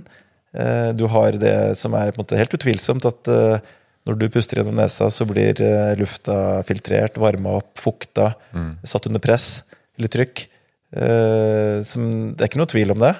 Eh, og det er ikke noe vanskelig å resonnere seg fram til at det er eh, gunstig for, eh, for trening, eller i hvert fall for restitusjonen, eller i hvert fall for at du ikke pådrar deg eh, inflammasjoner og, og betennelser og irritasjoner i luftveiene. Eh, det at min pustefrekvens når jeg trener på høyt nivå, er jo da mye, mye lavere. Jeg kanskje puster liksom tolv pust i minuttet når jeg har Ja. eh, makspuls. Ja. Eh, Da bruker jeg mye mindre krefter på, i de musklene som, som eh, står for selve pustinga. Og da kan, altså hvis du bruker masse Hvis de musklene må jobbe hardt, så går jo en del av oksygenet du puster inn, til, å, til de musklene. Hvis du da ikke driver og puster som en eh, eh, blåsebelg, da, så har du jo da Da kan den oksygenet gå til andre steder i kroppen som trenger det mer, som er direkte eh, prestasjonsfremmende til fremdriften, da. Mm. Så, Det- mm. Ja, det er én ting faktisk jeg kjenner på nå. Det er tilbake til når jeg går på ski og det er veldig kaldt. Mm. Og du får eh, kald luft ned i lungene, og så er det veldig ubehagelig. Da tar jeg meg faktisk i og bremser farta litt. Og tro det eller ei, pust med nesen. Wow. Faktisk. Ja, jeg, jeg kom på det nå. Jeg tenkte på det nå. Det gjør jeg jo bare på instinkt. Mm. For at eh, lungene skal hvile. Så ja, kanskje mm. Du er en natural born nesepuster. Du Altså, ja, puster med nesa om natta, og du til og med gjør det av instinkt når du går på langrenn. Du burde bli den nye nesepust uh, Maskoten. talspersonen i Kan jeg bli ambassadøren? Ja, det syns jeg. Ja. jeg må få med, seg, få med meg en sånn pose, da, så jeg får testa det. Ja, du, den posen eh, Hva det står Hushtape, er den til salgs, eller går det an å få kjøpt den? Foreløpig er den ikke til salgs. Den er, eh, kommer etter hvert. Så eh, Inntil nå så er den på utviklingsstadiet. Så jeg driver og sender ut til alle som kontakter meg. Ja. Sånn at de kan være med og, og prøve å komme med tilbakemeldinger og, og bidra til at den blir blir eh, så bra som mulig, da. Spot on. Kanskje vi skal spørre om vi får ta med oss en pose hver, og så teste litt? Ja, ja, ja, og i forlengelse av det, hvordan skal jeg gå fram hvis jeg har lyst til å utforske denne nesepustverden? da? Mm. Hvordan skal jeg starte? Skal jeg starte all in og bare tape meg sjøl på natta og springe min første joggetur i kveld eh, med plaster på kjeften, eller? Godt spørsmål. Jeg syns jo at eh, det å begynne med å Altså Med mindre du er sånn som deg, da, at du puster naturlig med nesa om natta. Hvis du ikke er det, så burde det vært mainstream å teipe munnen om natta. Ja. For det, det, er, det er ingen nedside til. Det er bare å gjøre. Ja, Og det, du kommer til å fra første stund sannsynligvis merke at du våkner mer uthvilt enn du pleier, og at du får kvalitetssøvn. Ja. Eh, Jeg vet at veldig mange, og det, meg inkludert, den første gang jeg hørte om fenomenet, Ja. så var det sånn Det var sjokkerende. Ja. Eh, Men jeg er bygd sånn at hvis jeg ser en ting som eh, jeg syns virker helt latterlig sjokkerende, så må jeg teste det ut. Så, så Men jeg, jeg skjønner at, at hvis man ikke har hørt om fenomenet Det begynner å bli vanskelig, og du må ha levd under en stein nå, tror jeg, hvis du ikke skal ha hørt om det i det hele tatt. Men, men eh, jeg skjønner at det er eh, At det er litt sjokkerende eh, første gang du hører om det. Men jeg syns at akkurat det å teipe munnen om natta, det, det er lavterskel. Det burde alle Ja. kunne gjøre. Når du kommer til å trene med nesepust, så skjønner jeg at det eh, kanskje er en høyere terskel for folk. For det er jo i starten oppleves jo som ubehagelig, og at du får litt sånn følelsen av kveles. da. Så da må du jo bare senke tempo. Ja. eh, Begynne på det tempoet hvor eh, nesepust føles ok. Mm. Og så går det ganske fort. Det er ganske raskt å opparbeide denne høyere terskelen for CO2. tar noen uker. Så akkurat liksom, Den begynner jo sikkert flate ut, den kurven, etter hvert. Jeg vet ikke når den flata ut. Jeg vet ikke lenger nå om jeg Om på en måte sånn Jeg har noe mer å oppnå eh, med nesepusten, men jeg, annet enn å bare bli bedre trent. da. Men eh, eh, ja, kom deg ut. Stå i det.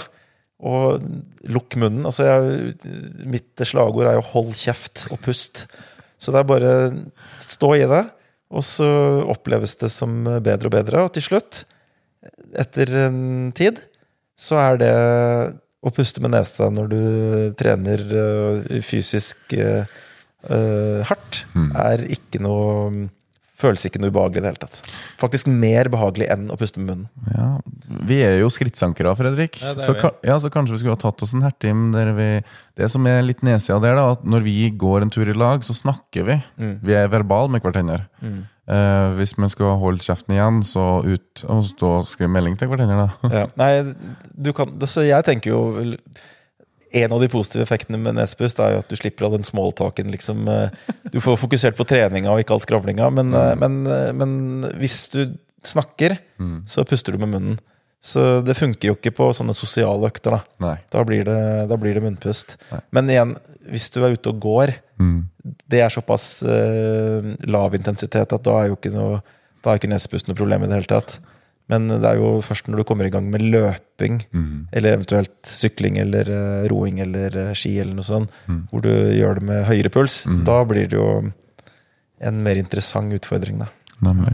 Men det på natta, da, så hender det seg, det hender jo seg at eh, altså haka ramler ned før jeg sovner. Og det er det verste jeg vet. Så der oppe på instinkt, Ja. så legger jeg meg på en måte sånn at den okay. haka ikke skal skli ned. da. Ja, da, Men du er jo da det perfekte eksempelet på det at du merker selv at det å puste med munnen om natta er dumt. Og så har du da en veldig stor andel, andel av befolkningen som gjør det hver eneste natt. Hva du gjør Lasse? Du gjør en hybrid, ser jeg for meg. Ja, du, jeg tror jeg er en hybrid. Jeg, jeg kan ta meg sjøl i at når jeg holder på å sovne inn, så får jeg sånn lyd som du beskrev i stad. At jeg Åh, Og så våkner jeg til, og så er jeg alt. jeg legger meg på sida for å unngå at kjeften skal åpne, og jeg skal vokte den av mitt eget innsovningssnork. Mm. Jeg sliter ikke med søvnapné, har Ja, som du vet, da. Som jeg vet. Som jeg For vet. veldig Ja, mange godt poeng. sliter litt med det uten å vite om det. Ja. Så det du egentlig, Jeg vet ikke om du bruker en Garmin-klokke eller noe Jeg, sånt? bruker, nå, jeg har smartklokke, men jeg, jeg tracker jo Altså, jeg har masse REM-søvn, og jeg har prioritert søvn mye det siste året. Siste årene jeg siden vi starta podkasten, Fredrik. Eh, men eh, jeg har så lyst til å prøve det her nå, bare for å se om det kan ja, være med og det, øke eh, søvnkvaliteten på natta, rett og slett. Fordi det, det du kan se på disse smartklokkene, er jo O2-metninga di i løpet av natta. Akkurat det òg, ja.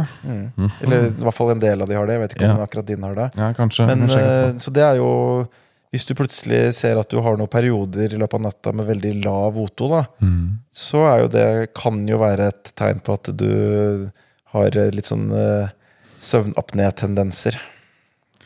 Det er ikke uvanlig, og faktisk en av tingene De som er ekstra utsatt for uh, søvnapné, det er jo uh, overvektige. Men også eh, folk med mye muskler. Ser du det? Å ja. Så bodybuildere og sånn. Så, og du er jo.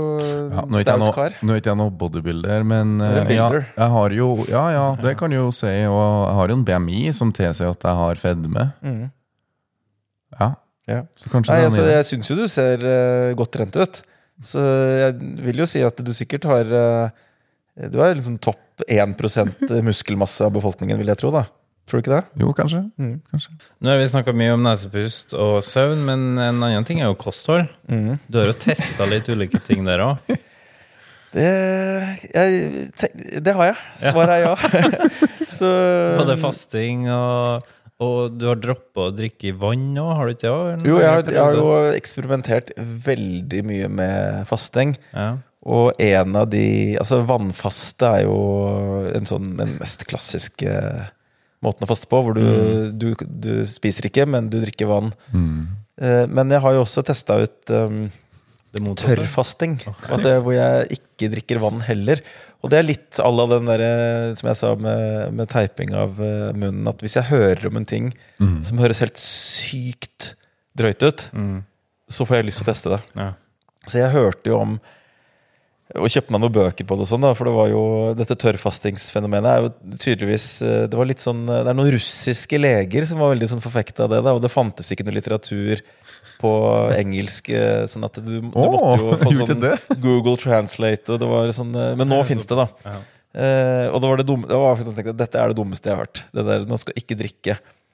Og, eh, og, så da, og så var det jo sånn at vi er blitt opplært til at uh, vi har lært at det, du kan kun leve tre dager uten vann. Det er liksom sånn klassisk sånn der myte. da At Hvis det er sånn, det har vært et eller annet jordskjelv og noen har ligget begravd i ruiner, Ja. og så har man overlevd i over tre dager, så har det vært sånn Ja, det må ha vært noe vann som dryppet ned. Som, eh, liksom, Ja. de, for at det, du, du, det, det er jo det er allment akseptert at eh, tre dager uten vann, det er grensa. ja, sånn er. Tre minutter uten luft, tre dager uten vann, tre uker uten mat. Ja. Eh, verdensrekorden på fasting er over et år, forresten. Hæ? Eh, det var en, eh, hvis man kan bruke det ordet, en tjukkas fra lurer på om det var sånn Skottland eller Irland eller et eller annet, som var eh, bestemt seg for at nå skal jeg faste til jeg blir tynn. Nei. Han fasta i 381 dager eller et eller annet. Så det gikk helt fint. Så det er verdensrekorden. da Wow. Så lenge du har nok fett på kroppen, Ja. så er fasting egentlig Kan du holde på med veldig, veldig lenge. men tilbake til denne tørrfastinga. ja. Eh, så tenkte jeg at da skal jeg motbevise det. Da skal jeg teste. Nå, skal jeg se, nå har jeg hørt om tørrfasting og den der myten om at man kun kan leve tre dager uten vann. Mm. Nå skal jeg motbevise det, så da har jeg ved flere anledninger Og dette, bare så det er sagt, da. Dette anbefaler jeg ingen. Nei. Eh, For det første sånn eh, Mest bare for å ha midt på det tørre. For ellers så blir folk sure på meg. Uh, Eh, og, så, og i tillegg så er det jo ikke noe for Altså dette er, for, det er fasting for viderekommende. da Det er next Ja. level fasting. Ja. Så da var jeg veldig viderekommen og hadde fasta veldig mye av det som kroppen min er veldig vant til fasting. da Mm. Men da Jeg har ved flere anledninger tatt en femdagers tørrfaste. Eh, og så var jeg innom litt sånn, leste litt om det, og sånn, og så var det sånn konsensusen var at nei, du, ja, det går bra, men du må ikke finne på å trene. Ok, men da skal jeg trene to ganger om dagen. Eh, og den ene gangen jeg gjorde det, så var det lurer på om det var sånn for sånn noen få år siden hvor det var den der verste hetebølgen. Det var skogbranner overalt, og det var liksom, det regna ikke hele sommeren, og det var sånn ekstremt varmt. da Så da gjorde jeg det i den perioden også, hvor det var eh, da veldig varmt. Eh, Jeg trente to ganger om dagen, og jeg spiste ikke eller drakk ikke i fem dager. Og det gikk eh, kjempebra. Og, og teorien bak altså hvorfor man eh, kan klare seg uten vann, da, det er jo at kroppen kan lage sitt eget vann. Og det er jo sånn det, foregår i naturen hele tiden.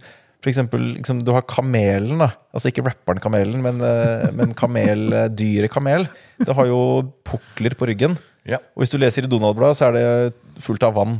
Men det er fullt av fett. For når du bryter ned fett For hvert gram fett du bryter ned, så dannes det ett gram vann. Så du, da, det er derfor den har den pukkelen på ryggen. Eh, og, eller eh, hvalen, blåhvalen, eller hvalen, har jo masse, masse spekk. Ja, ja. Eh, det er fordi at den kan ikke drikke saltvann, det er jo et pattedyr. Så den bryter ned det fettet for å danne vann. Og eh, for hvalen funker det bra å ha måte, det fettet rundt hele kroppen, for det isolerer jo, og det er liksom bra. For eh, kamelen, som da er i et varmt klima, så er det veldig dumt å ha veldig mye fett rundt hele kroppen, for da blir den veldig varm. Så den har da plassert den på en, svær, en sånn klump på ryggen. da. Og det fettet er der for å brytes ned, for da å danne vann. Eh, sånn at, eh, men da må du faste òg. Sånn at hvis jeg hadde spist mariekjeks hver dag Ja. eh, mens, eh, og ikke drukket vann, så hadde jeg tørsta i hjel. Men når jeg da faster, så uh, bryter kroppen ned Det er noe som heter autofagi. Det er liksom en, vi er ment for å gå i perioder uten mat. Sånn har det vært gjennom hele evolusjonen. Så det er jo helt nytt nå at vi har tilgang på mat hele tiden. Og en del uh, viktige effekter for eh, immunforsvaret skjer når man faster. Og det er bare sånn, sånn har naturen utvikla seg, fordi det var naturlig at sånn, sånne perioder var det. Regelmessig. Mm. Og grunnen til at eh, dyr legger på seg på høsten, da altså, Jeg er jo en sånn sukkerhater, men eh, sukker det gjør at du legger på deg. Og det, derfor så har naturen er perfekt. Den da har bær og frukt og en del sånne ting eh, på høsten og sensommeren som gjør at man legger på seg, fordi man skal eh, kunne ha noe å tære på i løpet av eh, vinteren. Og da er det ikke bare fettet der fordi at man skal ha nok næring å tære på, men også fordi at Sånn som en bjørn da, som går i, i dvale. Den tærer jo da på fettet, og også får vann produsert av dette fettet som, det, som brytes ned. Da. Så mm, du kan gå ganske lenge uten vann hvis du har nok fett på kroppen og, og du faster. Men hvordan følte du deg de siste dagene du trena og sånn? da? Var du pigg da, eller? Jeg, jeg var uh, tørst. Nei, men det, det var, jeg, jeg på en måte monitorerte hele tiden kroppens signaler. da. okay. Så jeg både sånn passa på at jeg altså, kjent, altså, Faresignalene er hvis du blir helt sykt tørr i munnen, og du slutter å, å tisse, f.eks. Ja. Da bør det avbrytes. da. Og det som er så fint med fasting, er at det tar ett sekund å bryte den. Enten om det er tørrfaste eller, eller vannfaste, så er det bare å, å, å spise da, eller drikke.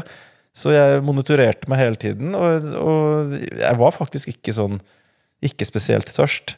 Og ikke spesielt tørr i munnen, og jeg, og jeg tissa regelmessig. Og valgte å avbryte etter fem dager, da, for jeg, sånn, der får jeg grenser til hvor, hvor mye man skal sånn mange, mye risiko man skal ta. da, da kjøpte jeg meg noe sånn skikkelig kvalitetsfond, noe sånn Perrier eller et eller annet, og satt og koste meg i noe sånn vinglass og drakk, eh, drakk etter vannet. da. Så Hvordan var det å drikke den første, ja, det, det var første glasset? Ja, det var deilig. så, men eh, det er i hvert fall eh, Jo, nå, vi sklir jo ut her på sånne Ja, ja, tangents hele tiden, men, eh, men eh, For det var jo vel egentlig kosthold som eh, Stemmer. Hvordan er ditt kosthold i dag? Det er Jeg er For å oppsummere kostholdet mitt ganske enkelt, da, så er jeg, jeg prioriterer protein. Mm. Jeg er kontrollert og beherska i inntaket av karbohydrater. Mm. Og så er jeg ikke noe redd for å spise fett. Det er på en måte mitt kosthold eh, oppsummert, da. Så øh, Og det før så drev jeg Jeg har i mange, mange, mange år eh, praktisert eh, det som på um, bro science-språket kalles OMAD, altså one meal a day. Jeg har spist én gang i døgnet. Men eh, min, mine dyp, mitt dypdykk innen forskning på protein, så har jeg kommet til den konklusjonen at eh, for eh, folk på min alder, og litt yngre, så holder det sannsynligvis ikke å spise kun én gang om dagen lenger. Nei. Det har noe med at øh, kroppen uh, bryter ned, altså daglig bryter ned og bytter ut Den trenger ca. 250-300 gram proteiner øh, hver dag. Og så viser det seg at eh, når du spiser eh, protein, så går det en grense rundt sånn 55-60 gram protein per måltid som kroppen kan bruke til eh, proteinsyntese, eller muskelsyntese. da. Så hvis eh, og, det som er at når man er ung eh, Disse 250 altså, Protein har man en absolutt behov for hver eneste dag. Mens eh, eh, karbohydrater og fett det kan lagres på kroppen, og det er ikke noe du må ha hver dag. Men hver dag så brytes det ned 250-300 gram proteiner i kroppen, og veldig mye av det er jo da muskler. da. Eh, og det må på en eller annen måte erstattes.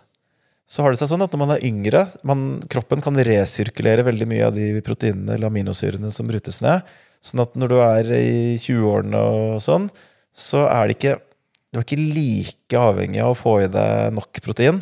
Fordi kroppen ordner opp likevel. Du er, og det er du er hormonelt eh, gunstig med veksthormoner i tillegg. Sånn at du kan kanskje komme unna med å spise en gang i døgnet. Men eh, når du bikker 30 og går oppover mot 40-årene og videre oppover, så blir kroppen dårligere til å resirkulere disse proteinene, og da er, trenger du faktisk økt Du trenger mer protein når du er eldre. Det er litt sånn eh, ikke helt logisk. Man tenker at man trenger mer protein når man er yngre og vokser, men det viser seg at eh, man sannsynligvis trenger mer protein når man blir eldre. Og så er det jo ofte når man blir eldre, så mister man kanskje matlyst òg. Man er ikke like sånn storspisende. Så desto viktigere å prioritere protein. da. Så jeg prioriterer protein, og spesielt det første måltidet eh, hver dag bør være ganske proteinrikt. da, okay. For å få i gang eh, muskelsyntesen. Og problemet med veldig mye av dagens eh, kosthold i den vestlige verden er at eh, det første måltidet kan være cornflakes med havremelk. Og da får du ikke nok protein. Nei. Og får du ikke nok protein i første måltidet, så fortsetter kroppen å være katabol. altså den der bryter ned. Mm. Sånn at det første måltidet ditt bør være sånn at du får i gang muskelsyntesen. da. Og for at I løpet av natta så bryter kroppen ned muskler for å få tak i aminosyrer som den bruker til alt andre man trenger aminosyrer til. Eh, I organer, lage hormoner, eh, antioksidanter, eh, enzymer, alt mulig.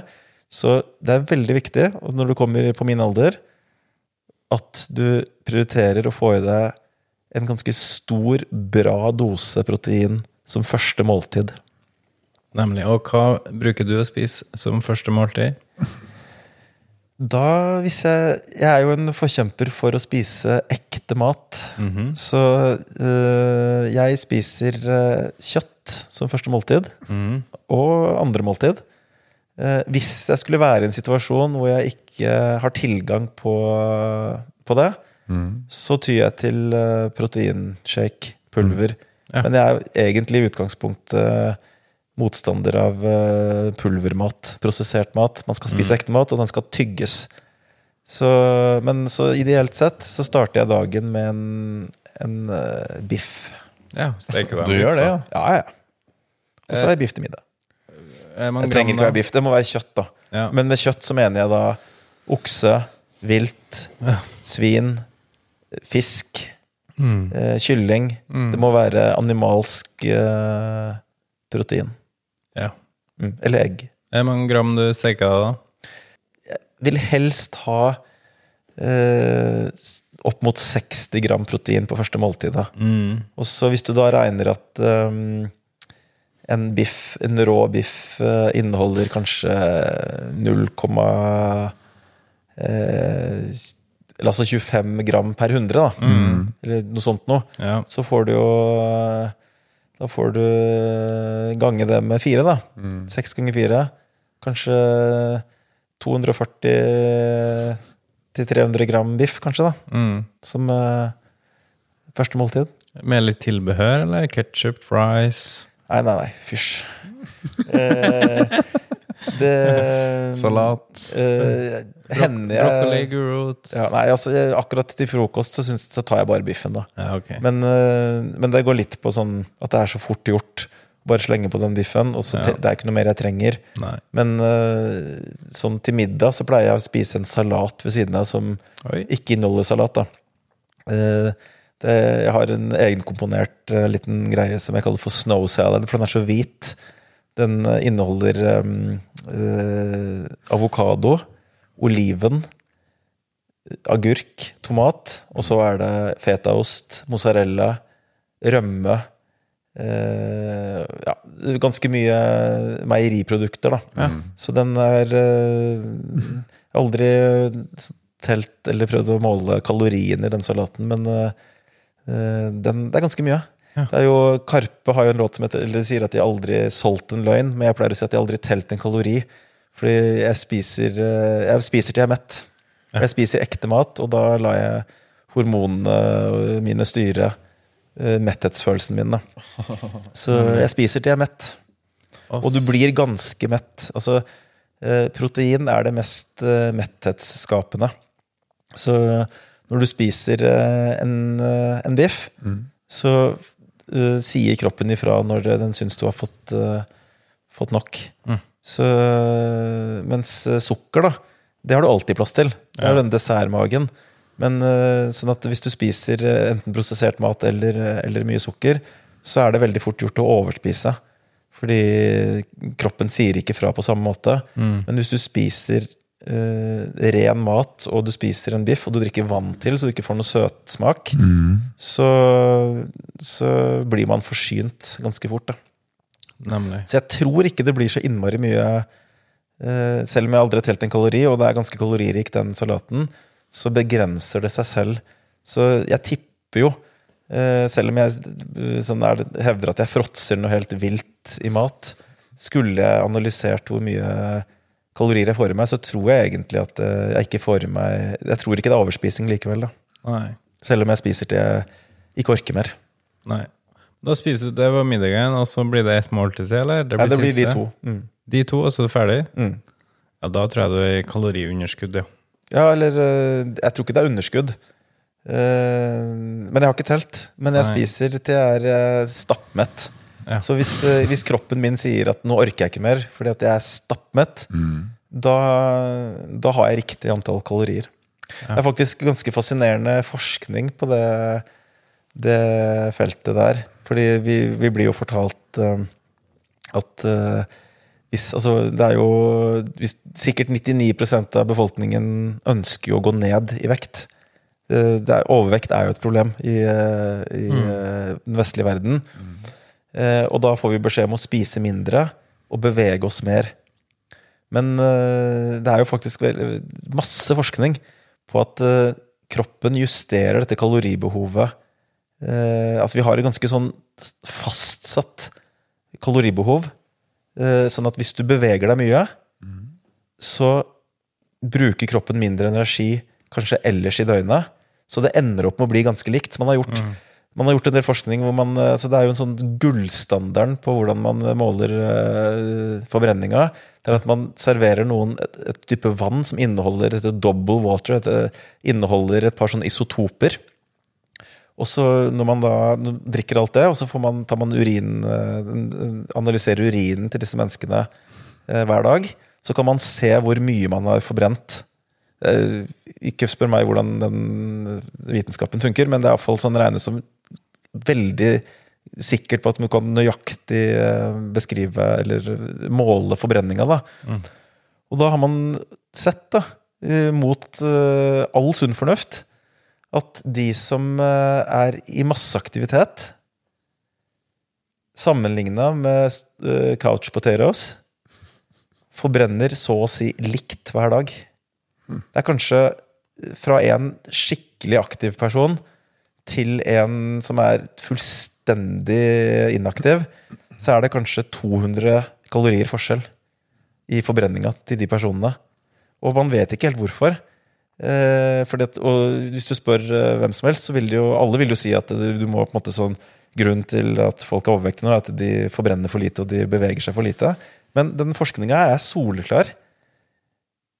Det er nesten ikke noe forskjell i hvor mye eh, forbrenning hvor mye de forbrenner i løpet av et døgn en veldig aktiv person har, og en veldig inaktiv person har. Og man, som sagt, man vet ikke helt hvorfor. Det kan være at ja, du forbrenner mye under aktiviteten, men så justerer kroppen dette her kanskje under søvn, kanskje hvordan den eh, hva slags prosesser som foregår i kroppen. Kanskje det er fordi at man får mindre eh, Kanskje det annet at eh, trening gjør at du får mindre kroniske infeksjon, eller inflammasjoner, som gjør at kanskje kroppen bruker mindre energi på, på å reparere disse inflammasjonene. Man vet ikke helt hvorfor.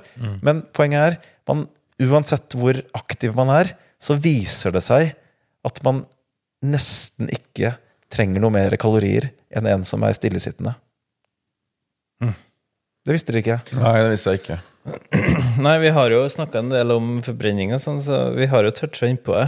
Eh, så noe av det du sier, det har jeg jo hørt før. Mm. Det har jeg. Så det er, eh, det er på en måte sånn strider mot sunn fornuft. Ja. Men det er masse forskning på det, så det er ikke noe sånn det er ikke noe sånn wow når, eh, når noen nye forskere eh, gjør disse undersøkelsene, for det bare bekrefter det man har visst i flere tiår nå, da, gjennom disse undersøkelsene. At, eh, og, og faktisk så er det sånn til og med de som trener Altså du har på en måte de som er veldig aktive, sånn et normalt aktivt livsstil, mm. kontra de som er totalt stillesittende. De har da veldig, veldig likt eh, hvor mye kalorier man forbrenner i løpet av et døgn. Men så har du til og med de som trener sinnssykt mye. De er, er på en måte sånn også veldig, veldig identisk med de som bare er normalt aktive, og bare fordi de velger å gå trappa istedenfor å ta heisen, og, og på en måte er på en måte litt sånn eh, normalt aktiv livsstil. Da. Så selv de som trener knallhardt, viser det seg at eh, det totale kaloriregnskapet i løpet av et døgn ikke er noe særlig mye høyere enn eh, en eh, normal person. Så det er sikkert en eller annen forsvarsmekanisme som eh, evolusjonen har utvikla. At hvis du skal ut og jakte og holde på, så, eh, så skal ikke det bety da at du trenger så sinnssykt mye større mengde kalorier. For da ville det sannsynligvis ikke lønt seg å holde på med den jaktinga, kanskje. da, jeg vet ikke. Man vet ikke hvorfor. Jeg vet ikke alltid hvorfor naturen er som den er. Men eh, fascinerende er det. At selv om jeg da trener to ganger om dagen, så uh, er det ikke sånn at jeg da trenger dertil så mye mer kalorier. Nei. Så at uh, når folk uh, sliter med overvekt, så er det da sannsynligvis ikke fordi at de er for lite aktive, men det er rett og slett fordi at inntaket av kalorier er for høyt, og kanskje eh, også feil næringsstoffer som gjør at eh, det påvirker hormonene. Da. Og så er det veldig lett tilgjengelig i Norge. Ja. Du blir jo frista uansett hvor du går hen. Ja. Før så måtte man jo, hvis du går revolusjonært sett eh, tilbake, så måtte man gjøre en skikkelig innsats for Helt å skaffe seg noe, noe å spise. Nå er innsatsen å gå bort til eh, kjøleskapet. Mm. Blitt for enkelt. Det har det.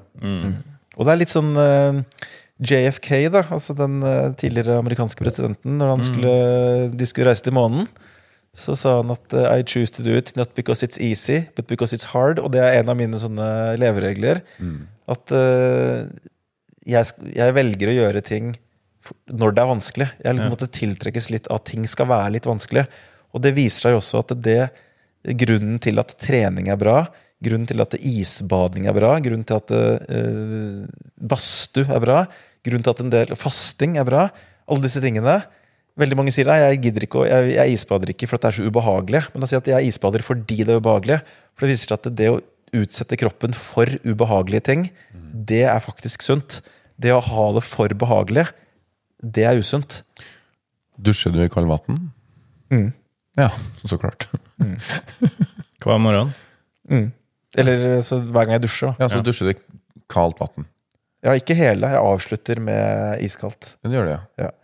Og så har jeg hatt en um, I hele vinter så uh, Når jeg jogger Så midt i joggeturen Jeg løper nede på uh, Filipstad Nede ved på en måte sånn Frognerkilen Så midt i løpeturen Så tar jeg meg en, et isbad Og så fortsetter jeg å løpe.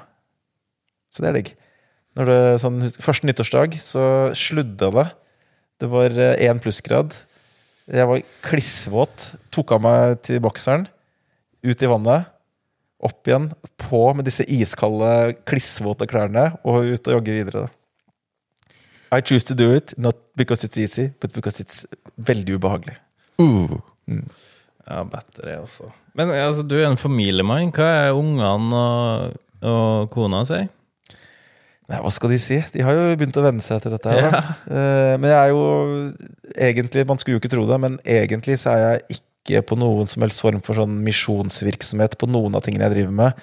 Så jeg, jeg vil ikke Jeg pusher ikke dette på noen. Jeg har før, kanskje for mange år siden, jeg, når jeg begynte å spise kutte karbohydrater og en del sånne i starten av min utforskning, da, så var jeg litt sånn at jeg prøvde å overtale folk og var veldig sånn gira på å snakke om det, men det er jeg egentlig ikke nå i det hele tatt. Hvis folk spør, så forteller jeg.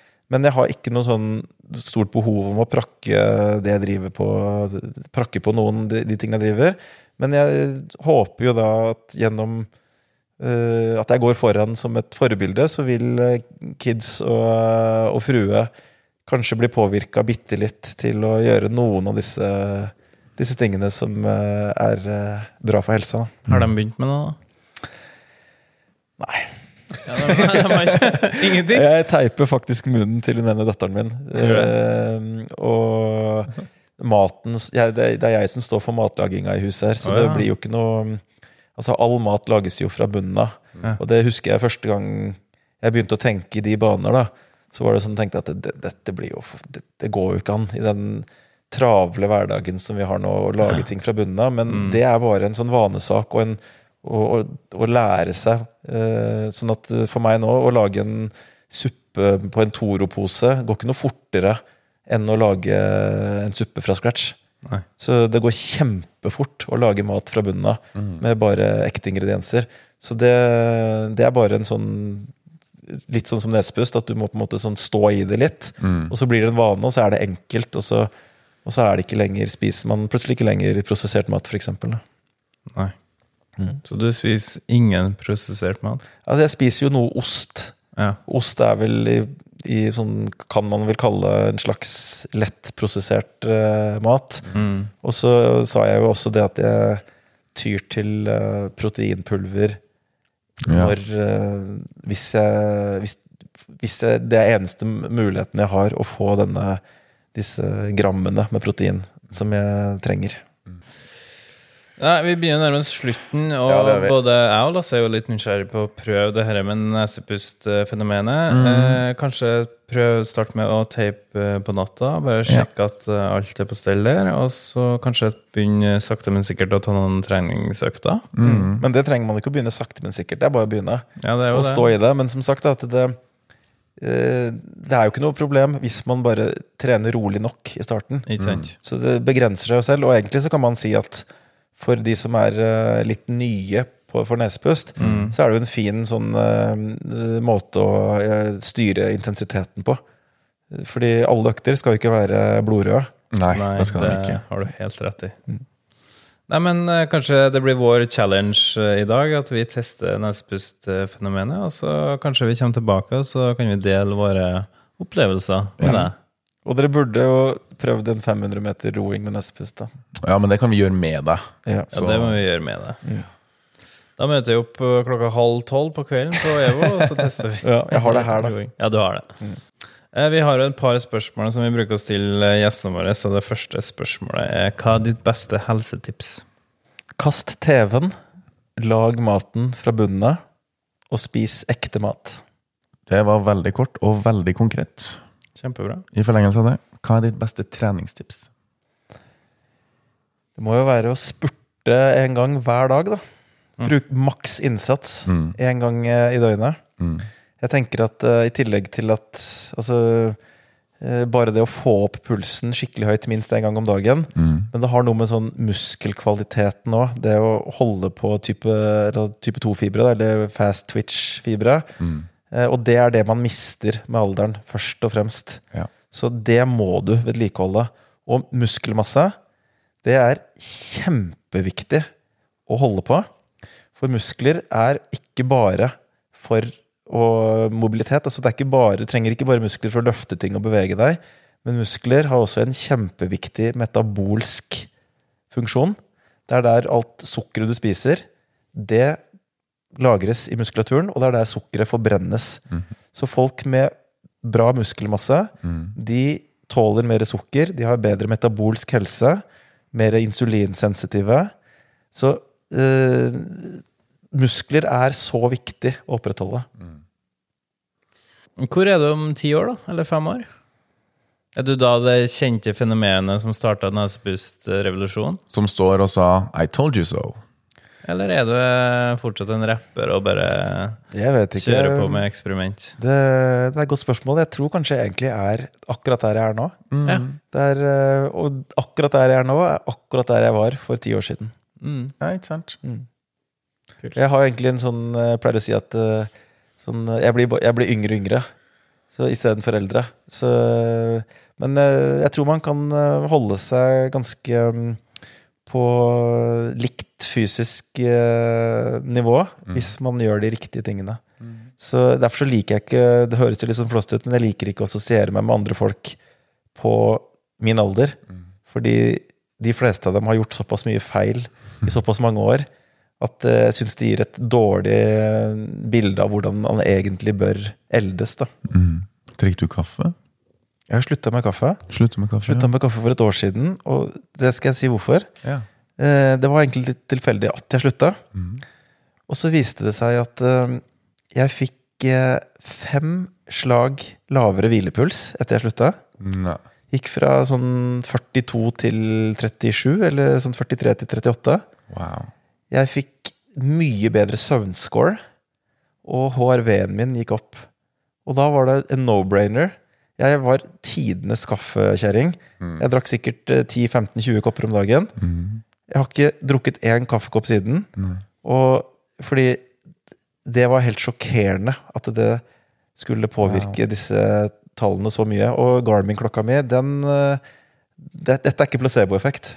Fordi den vet ikke at jeg slutta med kaffe. Nei. Veldig Men er det pga. koffein? Jeg vet ikke. For jeg eh, Sannsynligvis, og på hvilken tid av døgnet jeg gjør det. Men jeg bruker jo faktisk fortsatt koffein i forbindelse med hardøkter. Ja. Eh, sånn at eh, det er ikke sikkert det er koffeinen aleine i kaffe som gjør det. Nei. Så jeg vet ikke hva det er. Man ser jo blant annet at, eh, at eh, kaffe har eh, altså Hvis man tar blodprøver altså en av ting, man, Jeg har jo tatt masse blodprøver. Jeg driver jo med en type kosthold og livsstil som er sånn at alle vil jo påstå at jeg er i risikosonen for å få alskens alvorlige sykdommer. Så jeg tar jo masse blodprøver for å ha kontroll og eventuelt motbevise dette. da. Og en av tingene man ofte tester, er noe som heter triglycerider. som er en sånn, Hvis du har høye triglycerider, det er veldig dårlig tegn på risiko for hjertesykdom og en del sånne ting. Mm. Så viser det seg at um, en del som drikker kaffe, får økte triglycerider. Og så har man tenkt ja, det er sikkert koffein, men når man da tester med folk som da eh, tar koffein i form av energidrikk eller eh, brus med koffein, så får ikke de økte triglycerider. Så det er tydeligvis noe annet i kaffe som kanskje kan ha en eh, negativ effekt. Men igjen, jeg kan vise til masse studier som viser at kaffe har positiv effekt. Sånn at Ja. jeg skal ikke si at kaffe er dårlig, for det, det kan godt hende at kaffe er bra. Men personlig så endte jeg opp med å slutte fordi det var så revolusjonerende, følte jeg, at jeg fikk så mye lavere hvilepuls og så mye bedre søvnscore. Du, vi begynner nærmest slutten, og vi har en siste fast spalte der vi stiller gjesten ti kjappe spørsmål. Enten-eller eh. Så må du svare så fort som mulig. Er du klar? Mm. Proteinshake eller proteinbar? Shake. Tren med pulsklokk eller ikke? Med Oslo øst eller Røa? rød Treningssenter eller musikkstudio? musikkstudio. Hjemmetrening eller trene på gymmet? Gymme. Tren med musikk på øret eller uten? Med Løpe eller gå på ski? ski. Badstue eller isbade? Isbade. Lag mat sjøl eller takeaway? Lager sjøl. PR eller pump? Pump. Kaffe eller energidrikk? Energidrikk. Tur på fjellet eller tur i parken? Fjellet. Tren på morgenen eller tren på ettermiddagen? Kvelden. Kvelden, ja. Mhm. Oral B eller Big Eyes? Ja, Det kan jeg ikke si noe for. Da blir det dårlig stemning. jo, det kan vi igjen. um, da sier jeg Big Eyes. Okay. Ja, for at, ja, det er tryggest. Frokost eller kveldsmat? Frokost. Potet eller ris? Ris. Vannfaste eller tørrfaste? Tørr. Prioritere søvn eller nesepust? Søvn. Kostholdsplan er freestyle-tallerken? Freestyle.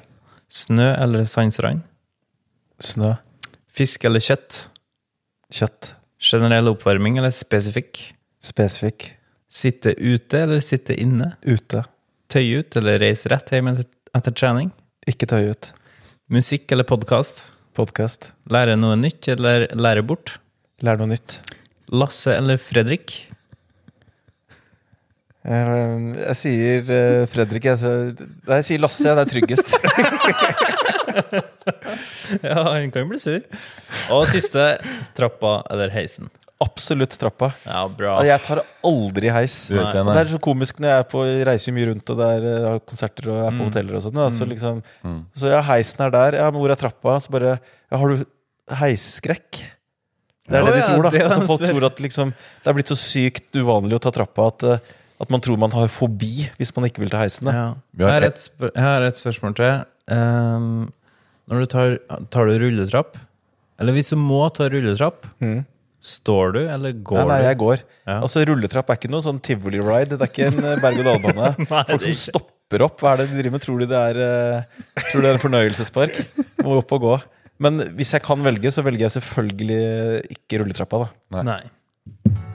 Og med det så er det egentlig bare å runde av, og takk for oss. Den praten her, den utfordrer meg litt, og jeg har lyst til å sette i gang med litt nesepust på min kant. Enn du, Fredrik? Jo, vi må prøve det. Uh, han sa jo at jeg allerede var godt i gang med å Ja. puste uh, om natta med nesen, så det er jo Ja, kan jo like så greit prøve det når man trener litt òg. Tusen hjertelig takk for at vi fikk tatt turen hit, og at du åpnet dørene til oss. Hold kjeft og pust. Tusen takk. Takk for at du så på, takk for at du så på og hørte på, kjære lytter og seer. Eh, Ny episode av Gympodden hver torsdag. Adios.